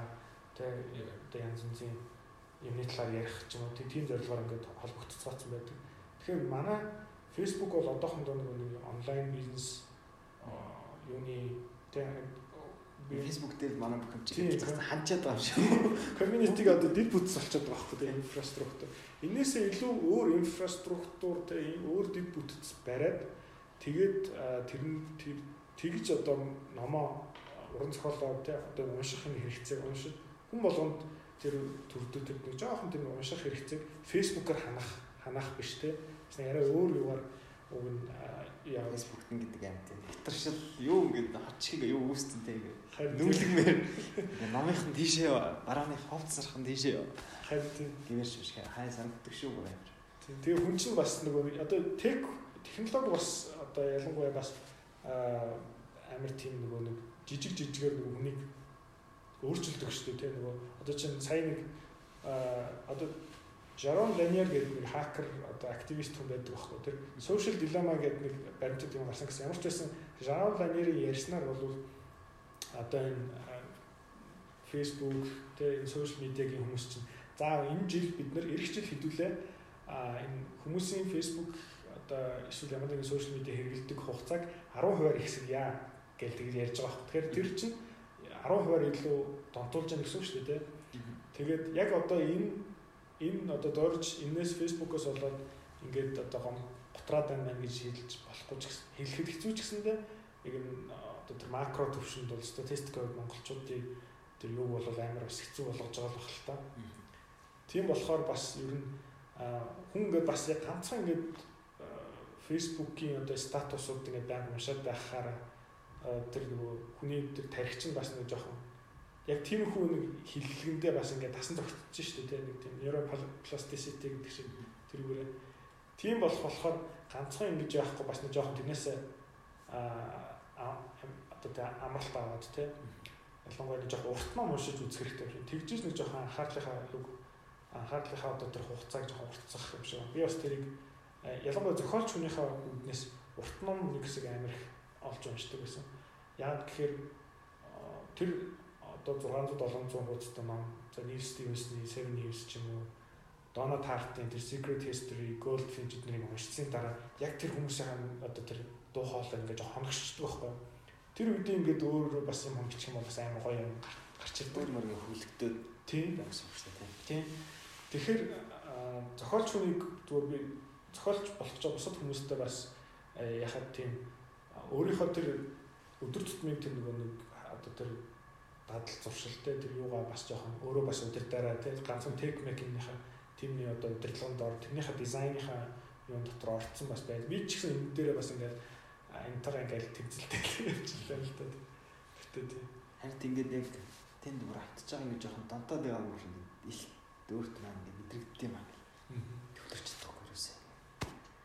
Гүйлгээс сурцсан. Тэгээд дуртноо сум барьж явж байгаа. Бас энэс эргэж гарахч бас ялангуяа хурдан л юм байна л дээ хөдөөмөд очоод. Тийм. Зам арчсан гот. За хөлөнгийнхэн цаг юу болж байна? За энэ гаргал төвчөд. Аа могол юм ярьж байна. Аа шүү дээ. За өөр чинь Өөр ярьж хөрмөр юу нэмээ хэлчмээр. Тэг яг бас зохиол одоо ер нь зүгээр зохиол чи тэг гэж байгаа хүмүүсээс би хүмүүст гуйх зүйл болохоор Монголын тухай гадаадуудын бичсэн зүйлийг их уншаасаа тий Аа харах өнцгөө. Тэгээ харах өнцгөө гадны хүмүүс бас амар тийм өөрөөр хардаг. Аа тэгээ Монгол өгүүлгээ чинь Монгол богино өгүүлэг гадагшаага англи хэл рүү ч юм уу гадаад хэл рүү орчуулж байгаа бол тэр одоо тэр өгүүлбэрүүдийн тэр хэллэгүүдийг бас ингээд яхад тэдний амар тусалдаг. Одоо тэр манай тэр Young Mongols тэмцээн дээр орсон шүүгчдэр нэг нь Matthew Davis гэдэг Монголд Peace Corps-оор архангаад Peace Corps-ын нэг сайн дээр ажилтан хийжсэн байхгүй юу. Тэгээ тэр хүн архангаан амьдралыг ингээд бичсэн. Тэгээ тэрэн дээр нөгөө яг ингээд ойр зургийн нөгөө нэг бетона түрээл те усанд явах маах гэдэг үг чинь. Би одоо чинь ингээд англи хэл дээр интернет дээр ингээд сурсан юмнууд амар их олон хэл ингээд янз янз хаа хамаагүй ингээд glazed lamp, hallway, butte одоо юу ч гэдэг тийм archway, archway хамаагүй тийм Европ архитектур мөртэй холбоотой юм. Яг Монгол ах юм ингээд англи руу орчуулахыг мэддэг байхгүй заримдаа. Тэгэл тиймэрхүү юмнуудаа ингээд тэр Matthew Davis ч юм уу тэр Morris Rosabe-гийн Монголын тухай тэр нэг орчин үеийн Монголын түүх гэсэн ном ч юм уу а эсвэл тэр ураадын булгагүй гэм тэр hybridity nationalism байна а тийм ер нь зүгээр англи хэл дээр Монголын тухай бичсэн Монгол болон гадаад зохиолчдын хоёр ч ном орчуулж ирсэн. Гурав ч яасан. Хиний? Булгагүй. Монгол хэдэж ч тийм баг шиг байсан тийм. Тийм. Ямар ч байсан би тэр hybridity nationalism гэдэг номноос нь тэр магистрийн ажил дээр бас ганц хоёр хэллэгүүдийг оруулж ирснээс амдын нэг хятад тэр нэг гэхдээ хятад би одоо тэрийг буцаагаад олж чадахгүй хятадууд бас нэг жоохон тийм баг стандарттай хэл юугаа бараага монголчууд шахдаг эсвэл монголчууд тэрийг хадгалаад хямдхан болгоно хадгалаад авчдаг. Тэр мэрийг оруулж исэн. Аа тэгээд төв дүүгүүд жишээ нь Америкт бол амар сайн ингээд хилэлцэгдээд бүр ингээд юунд орцсон. Одоо нэг ингэж явсан юм аа. Тийм. Хутагт гэдэг үг жишээ нь тулку гэдэг те. Аа замбуутай гэдэг жамбут жамбут випач гэдэг юм те. Тэгээд яатсан. Тэмүрх юм бол гэсэн гэсэн үг шүү дээ. Тийм, журамлагдсан тийм. Тэмүрх юм одоо Монголын тухай гадаадууд бичсэн Монгол одоо төвчөн бичсэн сайн уншина. Тэгээ заавал зохиол бичих гэж байгаа гэдээ би зохиол уншина гэж яах хэрэггүй. Зохиолоос илүү бас non fiction баримтат бүтээлүүд бас илүү одоо юутай хантай юу байдаг. Тэгээд юу уншиж байгаа баримтат бүтээл уншиж байгаа зохиол бичих зохиол уншиж байгаа баримтат бүтээл бичих бас амар юм шиг. Яг тэгвэл тарих тодорхой юм модель үүсгэчихэд тэрнээсээ жоохон одоо амс хийгээд өөрөө ингээд нэг юу яаж байгаа болохоор арай юу юм шиг. Тэр нэг баригдсан модель одоо хэв загвараас арай жоохон гарч бичиж байгаа болохоор тэр жоохон нэг ёо гэдэг хүн гараа суугаад ившэдэг шүү дээ. Тэр шиг нэг арай нэг жоохон нэг сайхан цаа сэлхэн юм шиг. Манайцл бичээд явдаг юм шиг. Тэг тэгж хүмүүс бас ярьдаг. Тэг надад ч гэсэн бас тийг санагддаг. Тэр тэр төсөлт нэг юм яга асуучих. Тэнд байх хугацаанд сурж явах хугацаанд уулзж ирсэн алдартай зохиолч юм уу? Та сургуульд тийм уулзалт муулсан юм болж ирсэн хин хинтэй. Оо байгаа байгаа. Өстой гоё асуулт асуулт заа. За юу а Dennis Lehane гэд одоо Shutter Island а янз янзын зохиол бичсэн. Mystic River тийм а тийм тийм зохиолууд бичсэн хүн манай хотод ирж байсан. А тэгээд дээрэс нь Sherman Alexie гэдэг одоо Native American хүн байдаг. Тэгээд тэр хүн манай хотод ирээд өөрийнхөө biography янз янзын бичсэн хэд хэдэн бичсэн номуудыг уншиж байна. Мань хүн бас өөрөө комедиан амар инээгээд шүү дээ. Ямар гоё ярьд юм лээ. Аа тэгээд Sherman Alexie-тэй би бүр дараа номыг хөдөлж авчаад гарын үсэг зурулах гээд очиод уулзаад би ингээ монгол хүн юм аа ингээд үргэлжлүүлээ сурч байгаа мурч байгаа гэсэн чинь Өөгч яста манай үйл шиг харагдаж байна. Яасан танах чинь бид нар чинь баг нэг юм Сибирийн Берингийн хоолоор гарсан нэг ахын дүүс ахын дүүс гэл тэгэл та надад ингээд надад ямар зөвлөгөө өгөх вэ гэдгсэн чинь яг л байгаагаар нь бичиж би. Тэгээ өөрөө бол бас нөгөө нэг Ethos амар гоё ингээд бүрдсэн. Яг юм байгаагаар бичдэг те. Тэрийг бас ингээд байгаагаар бичгээл гэсэн би бас яг амар гоё урам ороод тэгжсэн. Би тэр чинь sales pitch мэлдэл амар ер нь их гоё санагдсан. Аа тэгээд аа Жумпа Лахири манай сургуульд ирсэн. Гэхдээ тэр үед би магистрийн ажлаа хийгээ бүр амар завгайсан болохоор очиж чадаагүй. Тэгээд яг нөгөө Жумпа Лахири манай Interpreter of Melodies гэдэг өгүүлгээрээ Тийм одоо Pulitzer авч илүү да. Монголоор юу гэсэн Аа Одоо энэ баг хэлж гарсан. Эмнэг эмнэг зоврын хэлмэрч гэж тийм тийм. Аа тийм яг тийм. Наа чи гоё гоё хэлж байгаа. Тийм. тэргээр хаасан. Тэгээд энэ энэ хүний бас өгүүлбэрүүд их гоё санагдчихсан. Яг тийм би сайхан тэр ном уншдаас. тийм. Яг тэр нөгөө юм тэр энтгэхийн одоо тэр тосгоны одоо миний бас яг магистрийн ажил дээр яг community voice гэж яриад байгаа. Тийм юм ингээд ганц хоёр хүмүүсийн юм гарсан. Тэр бол нь богино түүх юм байлээ л дээ. Тэр үгээр яасан. А Ann Beatty гэж зохиолч бас ирж ирсэн. Ann Beatty болохоор New Yorker New Yorker гэдэг магазин байдаг шүү дээ. Тэрэн дээр бас маш олон бүтээл гаргаж ирсэн. Аа тэр хүний бас номыг аваад юу гээ гарын хэсэгтээ авч ирсэн. За тэгээд өөрчлөлөө аа ер нь бас лаглаг зохиолж идэв юм биш нөө Филадельфи хотод байсан. Манай хотын номын сан өнгөө тэгээд маш олон салбартай хот дотроо маш олон салбартай.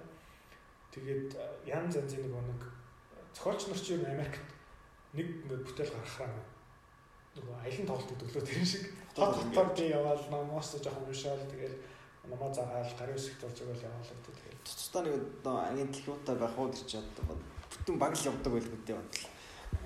Ер нь яг гэхдээ гайгүй ер нь бол би ганцхан өөрийн харсан өөр бас нэг туслаад байсан байхгүй юм шиг л ялангуяа манай Өөрөө л тэг явж тийм. тийм манай нөгөө Free Library of Philadelphia чинь зохион байгуулалтын ихийг нь өөрсдөө баг хийгээд өгсөн урьдчилаад анонс манаасаа заагаад зарлаа тавьсан. Яг яриадных нь үеэр нь бас бичээд авчдаг. Тэг явсныхан дараа гэсэн өөрсдийнхөө сайтн дээр тавингууд дараа нь үзэж болдог. Тэг ганц хоёр хүмүүс тэнд одоо нөгөө ирээд тэрийг үзэж чадаагүй бол library-гийнхаа вебсайт руу ороод үзэж болох юм байлаа. Өөр одоо ингээд манай Монголд одоо нэг одоо монгол хэл дээр уншдаг, монгол уншдаг. Одоо нэг танил болоогүй тийм шин залуу амар тийм танилцуулмаар амар тийм зохиолч таны санал болгомоор зохиолч. Монгол зохиолч. Одоо монголчууд санал болгомоор одоо гадны зохиолч гэсэн үг гадны зохиолч юм. Аа за. Монгол зохиол бол бид нар Оюунбат, Ц Оюунбат Оюунбатын тэр зөвлөлт өгүүлбэрүүд надад их байжгүй санагдсан би тэрийг бас санал болгочихлаа. За гадны зохиолч гэвэл за Одоо нэг эд тэндээ ингээд эд бичиж мандаж байгаа гэх юм. Тэгсэн мөртөө гэдэг манад бол нэг орчуулга дээр ингэж нэг танил болоогүй байгаа. аа. За би тэгвэл тэр Ted Chang, Ken Liu хоёрын өгүүлбэрүүдийг ер нь Монгол орчуулсныг өстө мэдгүй. Ted Chang-ийн тэр өгүүлбэрүүд бол тэр Nebula, Hugo, янз янзын тэр FSF бүх шагналуудыг нь авсан. Ken Liu-ийн гэсэн өгүүлбэр маш гоё өгүүлбэрүүд. Аа тэгээд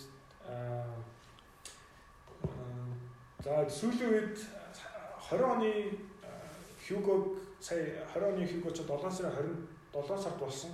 Тэрэнд SL Huang гэдэг нэг бас Chinese American хүн авсан байлээ. Харин тийм тийм тийм амарсан. хүчтэй бод. Харин тийм энэ дэр чинь л одоо нэг аглуудаад монголчууд яваад болдгоо мэй гэдэг байна шүү. Тэгээд аа гэхдээ миний сүүлийн үед нэг уншсан хоёр зохиолын уншсан юм болохоор Kelly Robson гэдэг нэг Канад эмэгтэй байгаа. Kelly Robson-ы аа A Human Stain гэдэг новеллет новеллет.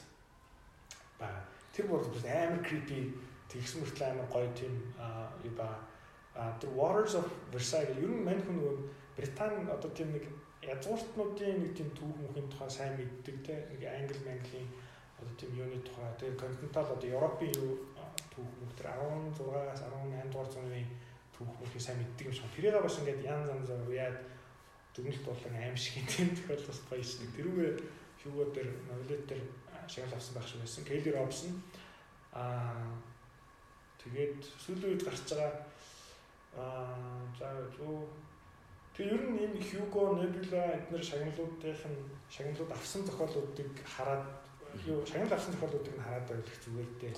Аа Ас юм даа авч штэ тэ. тийм.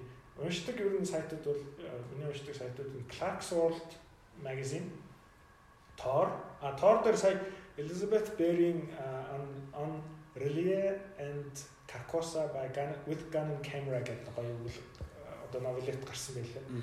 Тэгээд тэрэн дээр гоё гоё тэр бол бас амар гоё. Ер нь гоё концепттэй нүгүүд аа тэгээд Сингапурын Эн Йишэн гээд одоо тийм зохиолчийн Шинжао гээд зохиол Clark Sword гарсан.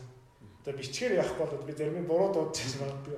Тэгээ ер нь Clark Sword гарсан тэр Сингапурын ч юм уу тийм хятад одоо heritage-тэй зохиолч нарын зохиолууд бас амарлаг. Шинжао болохоор маш олон референс оруулсан. Pokemon, Pokemon тэр нөгөө нэг Lovecraft-ийн одоо янз янзын амтд үдэ шогоот могот гэл тийм хөтөлөө хөтөлөө тэр мөрийг оруулсан. А тэгээд Clark Folder ялангуяа тэр Storycom юм уусэл Andy Dudak гэдэг орчуулагч нарын орчуулсан хятад зохиолууд а бас их гоё. Сүүл би одоо нэрийг санахгүй ямар ч байсан нэг зохиолчийн нэг тийм тахал гарсан. Гэхдээ тэр тахал нь нөгөө нэг хүнийг юу карбон одоо биш силикон одоо based life form бол одоо гэхээр одоо чулуу болгодог. Хүнийг чулуу болгодог тахал гарсан. Тэрийг шатаадаг нэг хүний тухай тэр бол 2022 онд ч илүү бичсэн мөртлөө маш одоогийн коронавиг үед бас маш гоё болсон. Тэгэхээр тийм. Тийм хүү. Одоо тийм чинь анги зохиолчийн анги сурж байгаа. Яруу наригчийн анги сурж байгаа. Тэр хүмүүсийн амьдралын хэв маягаар ямар байдаг тухай ярьж өгөөч ээ. За. Яг хөө манай ангийн хүүхдүүд одоо монгол хэл битгий сураасаа гэж бодоод ярьчих Манай ингээд чинь нэг Филиппин, нэг Индихэд босны бүгд Америкчууд байсан. Эмэгтэйчүүдийн тоон илүү байсан санагдаж байна.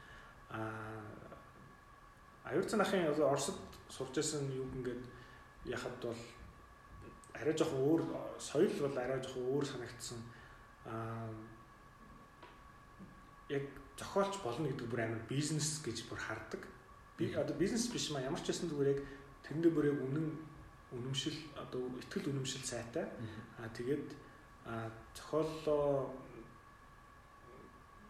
аа зохиолоо бичихтэй аа одоо нэлээд бодно. Гэхдээ ямар ч талаас надаас зохион байгуулалт амар сайтай байсан.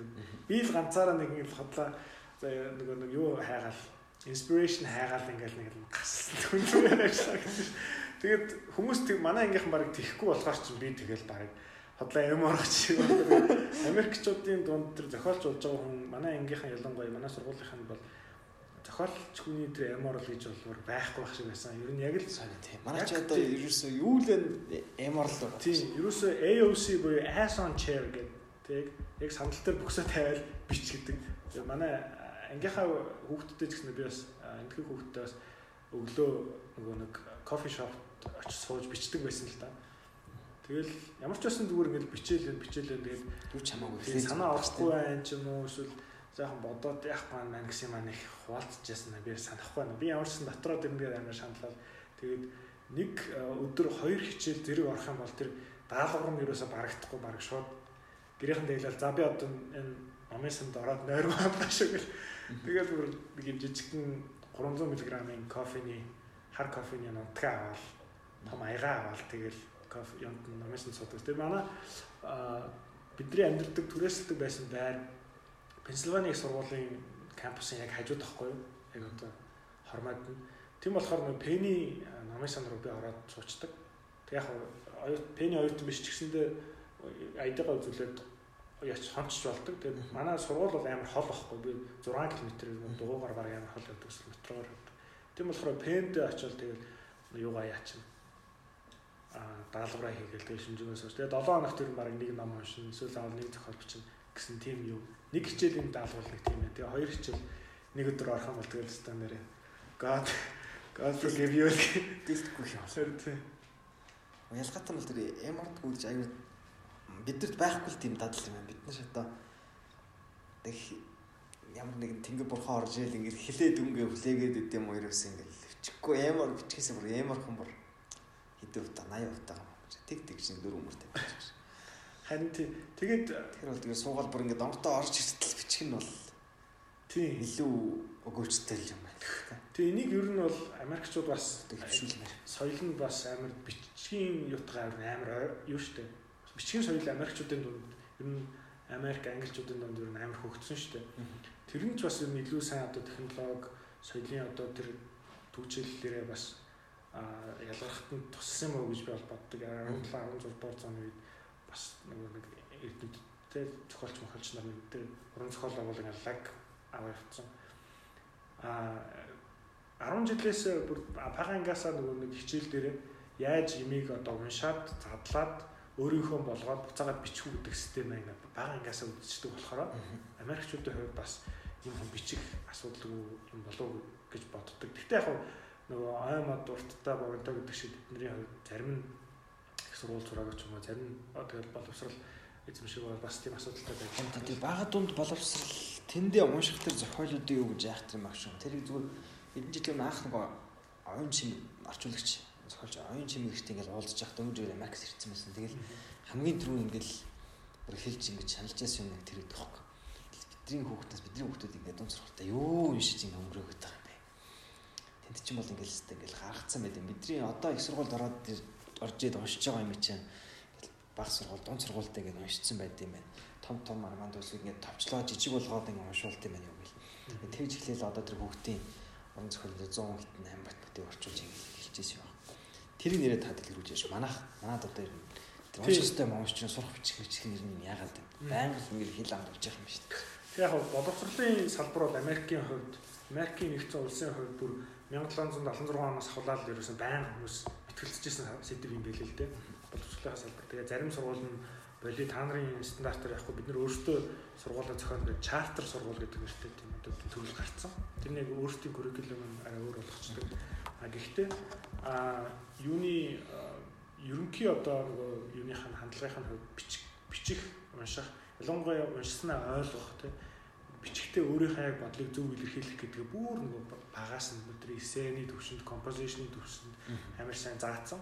Одоо их сургууль дээр ч гэсэндээ байн ер нь нөгөө нэг problem solving буюу ямар нэгэн юм асуудлыг яаж одоо шийдэх үү те эсвэл одоо critical thinking юм уу тэр мэрээр амар сайн хацсан. Тэрийг одоо манайхан манай одоо залуучуудаас угаасаа бүгдээ ярьж байгаа. Тэг яг зүгээр институцийн төвшөнд ийм том том өөрчлөлтийг гаргахын тулд а миний бодлоор бол хэд хэдэн алхам хэрэгтэй. Нэг нь бол тэр а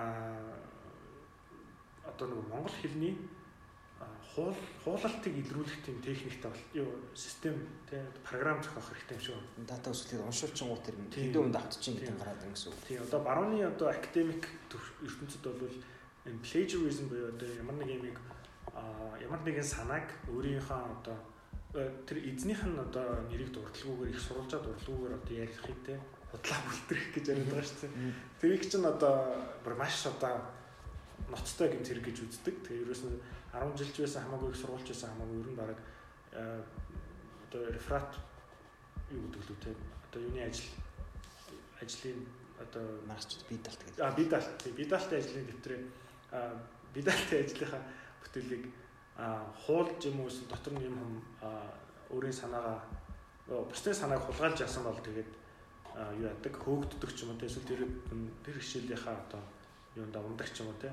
А би бүр Америкт очсон ханаа гэсэн ганц хоёр нөгөө нэг иргэд. За зарим бас нэг тийм одоо нөгөө нэг Азийн Аз улсуудын одоо нэг диаспора иргэд. Бүр зохиолч гэдэг нэрээ нэр төрөө нэр одоо тийм юутай болцоод те? Одоо тийм бүр дагагчтай болцоо хана. Хуулж бичээд тэр нь баригдаад. Тэгээ бүр алуулж исэн одоо сэхгүй.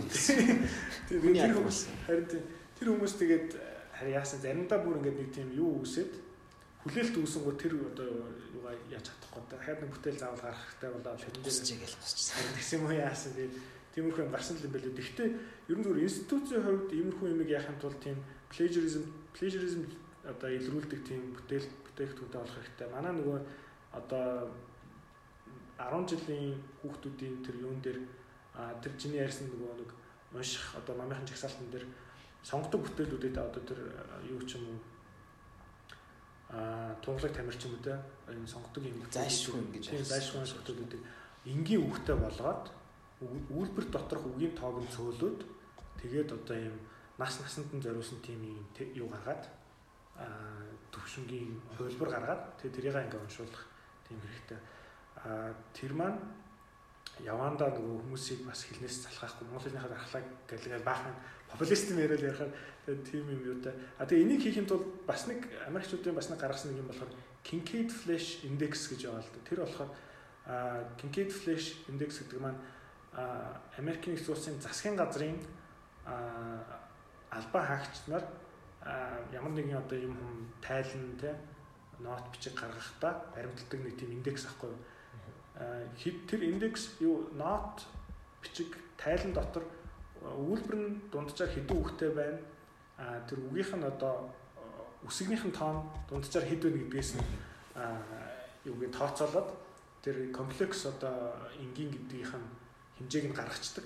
Тэгээ тэрүүгээрээ бас хяналт тогтоос хитрхи юм уршуу юмнаас л ер нь сэргийлээд байгаа юм л та.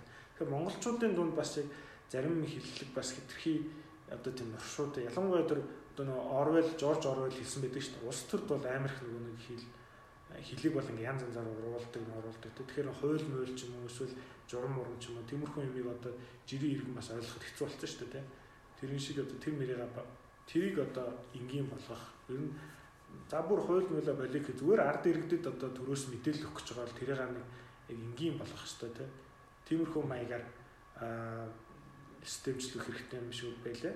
Аа тэгээд мэдээж боловсролынхаа curriculum дотроо аа тэр уншаад бичих. Тэр одоо нөгөө эссений 5 одоо параграфтай 5 бит юутай эссений одоо моделийг те сайн заагаад тэгээд байнга ингээ жижиг сажиг юмыг уншуулад тэрнийхэн дагуу бодлын бичүүлээ те. Тэр нөгөө би даалтын ажил амар илүү өгдөг.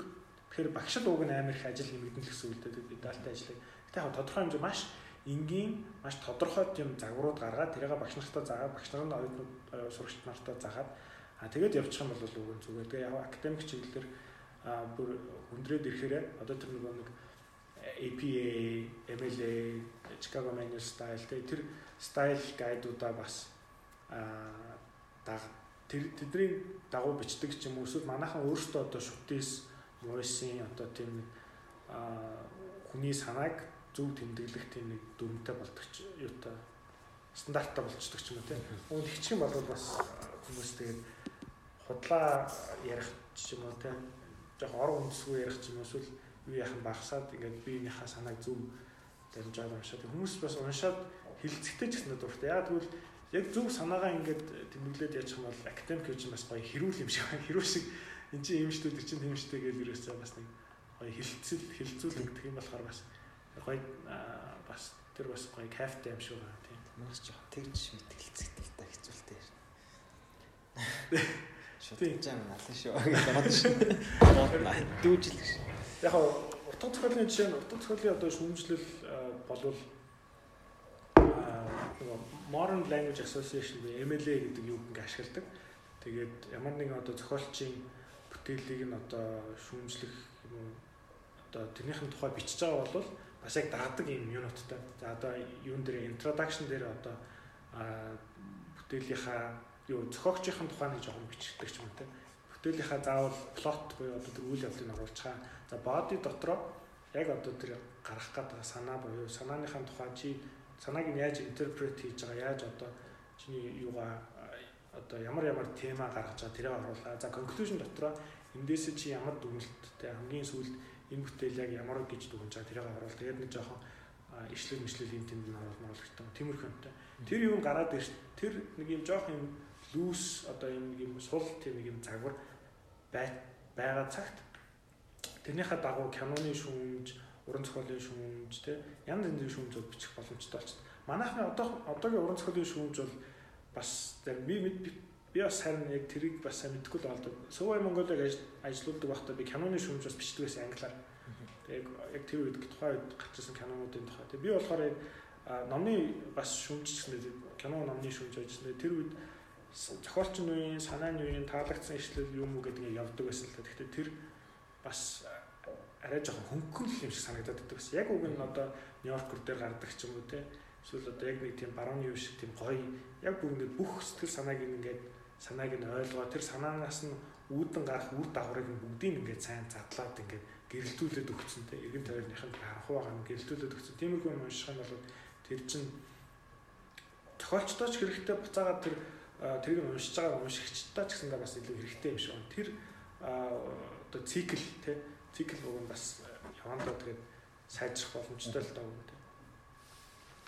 За ирэхэд төгсөхгүй. За. Өөд ярмаар юм хэлсэн. За за. Сэтгэлийн угларга юм бэ. Тийм яг хөө тэгээд м дааж байгаа бодох юу ярьт юм тэгээд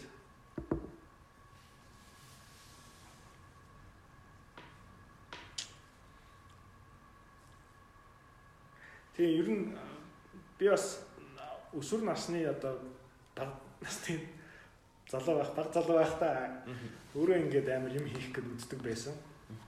Ингээд баг Монголд юу ч юу ч одоо ямар ч одоо анхдагч юм гараагүй гэж бодоол те. За барууны нэг ийм одоо элементийг оруулаад ирэх юм бол Монголд анхдагч болмоор ч юм шиг гэж бодогдол те. Тэгдэг байсан. А тэгээс одоо сүүлийн жилүүдэд а түүхээ янз янзын одоо түүхийн юм бичиг ялангуяа 21 21-оос хойш 90-с өмнөх оны үеийн түүхүүдийг судлаад а 16 17 дугаар зууны үеийн түүхүүдийг гадны дотны их сурвалжуудаас уншаад байхад Монгол дууг нь бас өчнөө олон нэг зүйлтэй лаглаг дэвшилттэй зүйл эхэлж исэн. Гэхдээ тэрийг эхэлсэн юм үргэлжлүүлдэг хүн байхгүй эсвэл эхэлсэн юмыг хүлээн зөвшөөрөөд тэмдэглэдэг хүн байхгүйсэн болохоор дандаа унцсан юм шиг. Тэгээд тэгж санагддаг л да. Тэгээ одоо янз янзын аа ганц хоёр юм гоц юм алдартай хүмүүс ингээд гарч ирээд тэгээд алга болчдөг. Тэгээд тэр нэгээ сайн яддаг. Ядчих манах чанар цөөхүлээ. Тэгээ одоо би зүгээр хүмүүст бас хэлэхэд байгаа имийг бас жоохон appreciate хийгээд одоо одоо байгаа зохиол одоо одоо байгаа ном бүтээлч гэдэг юм одоо байгаа системээ бас зарим яг муугийн шүмжлэх хэрэгтэй. Сайныг бас энэ сайн байна шүү гэд би энд бас урам өгөөд те. Тэгээд явах хэрэгтэй юм шиг байлээ. Тэгвэл бас зүгээр юм шиг. Ялангуяа залуу хүмүүст одоо миний үеийн бол надаас ахмад хүмүүс тэрийг аль хэдийн ухаарсан байгаа л би болж явах хоторч ухаарсан байх гэж боддог. Тагта хэвлэлийн газраас эрхлэн явуулдаг Үлдэх хөг подкастын энэ удаагийн зочин Америкийн Монгол судлалын төвийн олон нийтийн харилцааны зохицуулагч, зохиолч Наран Цогт байлаа.